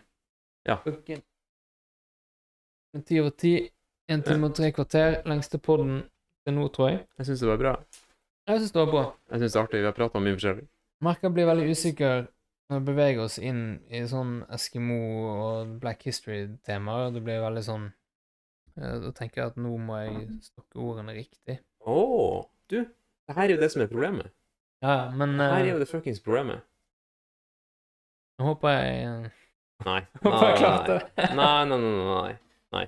Hvis folk blir fornærma av det vi har prata om i dag, ah, da er du proporsjonelt fornærma, føler jeg. Ja, kanskje. Kanskje. Jeg tar meg litt Men uh... Eller nei, nei, eh, la meg omformulere. Hvis du blir fornærma av det her, så er det bra. Det er bra for deg. Det betyr ikke at du har rett, det betyr ikke at vi har feil, det betyr ikke at vi har rett, eller at du tar feil. Ja, det er en god, god oppsummering. Oppsummering. Det er Det er det. Det er bare noe som har skjedd. Ja, altså, historia endrer seg jo ikke. Ting som har skjedd, har jo skjedd. Og eh, familiemiddag i går, så satt vi og faktisk prata om akkurat det her. Og en ting jeg kom på da, det var jo at det er en ting som er sagt om andre verdenskrig, og spesielt om Auschwitz. Mm. Vi skal aldri glemme det. Mm. Det skal aldri glemmes. Fordi det var såpass kjipt. Og det er jo ingen som står klar for å smelte ned den porten der det står 'Arbeid macht frei' på. Hvorfor skal vi være så hårsåre på alt annet? Kan man bare liksom godta at det har skjedd, og så Eller, ja, det har jo skjedd. Vi får jo ikke gjort noe med det. Det å fjerne ting fordi at det, man blir fornærma av det Men da er det jo litt vanskelig å lære av historien, da, hvis man Ja, det var liksom Der er jo faktisk, det fra historien. der er jo faktisk eh, boktipset fra meg, da. Eh, 1984 heter boka. Den handler jo om akkurat det her. Interstellar. Interstellar, ja. Stemmer. Det er han eh, McConney. Men Ja, det var Mac. Jeg visste det var noe Ja, Mac. ja, det er jo det. Men skal jeg legge til 1984 som boktips? Ja, sorry, jeg var ikke Det med. der- nei, men det går Bare jeg fint. kom til med, så måtte Det jeg er akkurat sånn som jeg vil at det skal være. Interstellar. Den har jeg Eh, ikke sett. Men jeg har ikke sett noen av de to andre heller. Nei, nei, men det går bra. Jeg vil Men egentlig- eh, Interstellar er bra, Ja. men kanskje litt hypa. Jeg ville egentlig se den Brad Pitt-gen. Den fikk litt kritikk, men digger Brad Pitt. Mm. Så jeg har sånn mancrush på Brad Pitt. Han har alltid vært uh, idolet. Og fy faen, altså, den er Once Upon a Time in Hollywood. Den er så Før du går, så skal vi se den. Den siste scenen, når de Mm. der hippiefolkene bryter seg inn. Du, de hippiefolkene Dette er ikke, dette er ikke spoiler, er det? du, Det driter jeg i. Ja, Eh, Men du, de hippiefolkene er jo ikke Mm. bare hippiefolk. Nei, ikke er han. Charles Manson. Ja. Der har jeg til bok som ligger på lista mi, uh, som jeg skal tipse om. Uh, Nå må dere egentlig bare høre etter, for jeg skal finne en app som heter To Do. Mens du finner fram den, Ja. som bare oppsummerer den scenen. Som er at de hippiene bryter seg inn i huset til uh, DiCaprio. Han ligger ute og, og bader i badebassenget, og Brad Pitt er og blander seg noen drinker, ruset seg på noe voldsomme greier. Bare den slåssescenen som utspiller seg der, med den musikken, og bare Nei, fytti grisen, altså. Det er, det er så groteskt på en så komisk måte at jeg satt og lo for meg sjøl, og det, det pleier egentlig ikke å skje, altså. Jeg satt og flira høyt i kinosalen jeg så den. Helt fantastisk. Den, den, men den, hele filmen er en, en fantastisk film, uh, hvis du liker den typen film. Uh, boka heter Chaos, The Truth About the Manson Murders. Og eh, jeg fant den hos Dag Sørås sin podkast. Han tipsa om den, så den ligger på leselista. Visstnok være jævlig bra. Men eh, ja, som sagt, det var Charles Manson som brøt seg inn, ikke bare en hippie. Nei. Mm. Det var det. Hvis man banker på feil dør, så skjer det her. Neste hva, Den må vi se etterpå. Ja. Og så må vi til garasjen og se. Ja. Nå begynner garasjen å bli ferdig, snart blir hjemmegym. Så må vi trene. Så kan vi gjøre en sånn eh, Hva med at vi eh, setter opp studio der? Det kan vi gjøre. Inn på bryggerommet. Det Det er det. Mm. OK, fett. Um, skal vi Wrap it up. OK, så for å gå kjapt gjennom dagen uh, Vi har Insta-profil. Sjekk det gjerne ut. Dropp inn en like. Uh, eller ikke. Uh, og så sjekk ut shownotesen, for der ligger det litt fete ting generelt. Jeg prøver å pushe ut litt sånn ting som kanskje ikke alle sammen vet om, som kanskje er fett å få med seg. Da må vi slenge på noe som heter Pikselhjerte. En kompis som anbefalte meg det. Det er en eh, eh, sånn eh, animert kortfilm. Ligger på YouTube. 15 minutter bare. Ja. Med en slags sånn eh, artig Sånn retrospillaktig film. OK? Som, som har en del jævlig mye sånn easter eggs, skjulte ting som man må legge merke til. Det sånn er litt artig, i hvert fall. Litt sånn uh, annerledes ting som kan være litt gøy å se. Film på 15 minutter. Selv jeg klarte å engasjere meg der. Ja, men fett. Da er det film til meg og en artikkel til deg. Fett.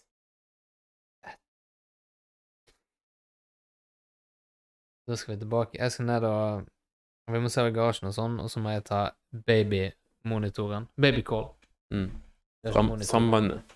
Ja, vi har ikke monitor. Men vi vurderer å skaffe oss monitor. For da kan du se hva som foregår. Ofte så grynter de til litt, Ja, sånn, ja. ja. og så blir du liksom nysgjerrig på om det vil eskalere, eller mm. har han snudd seg sånn at han Mm. Ja, liksom, ligger Har han liksom åpne luftveier? Ja. Så da kan man Mm. slipper man, sånn som jeg, nå sitter vi oppe, slipper å gå ned etasjer og potensielt bråke og vekke han i forsøket på å se hva som egentlig foregår. Det egentlig jeg vi ikke skulle ha det. Nå kan det hende vi skal ha det likevel. Mm. Cool. Nice ending. Nice ending. Niks. Thanks.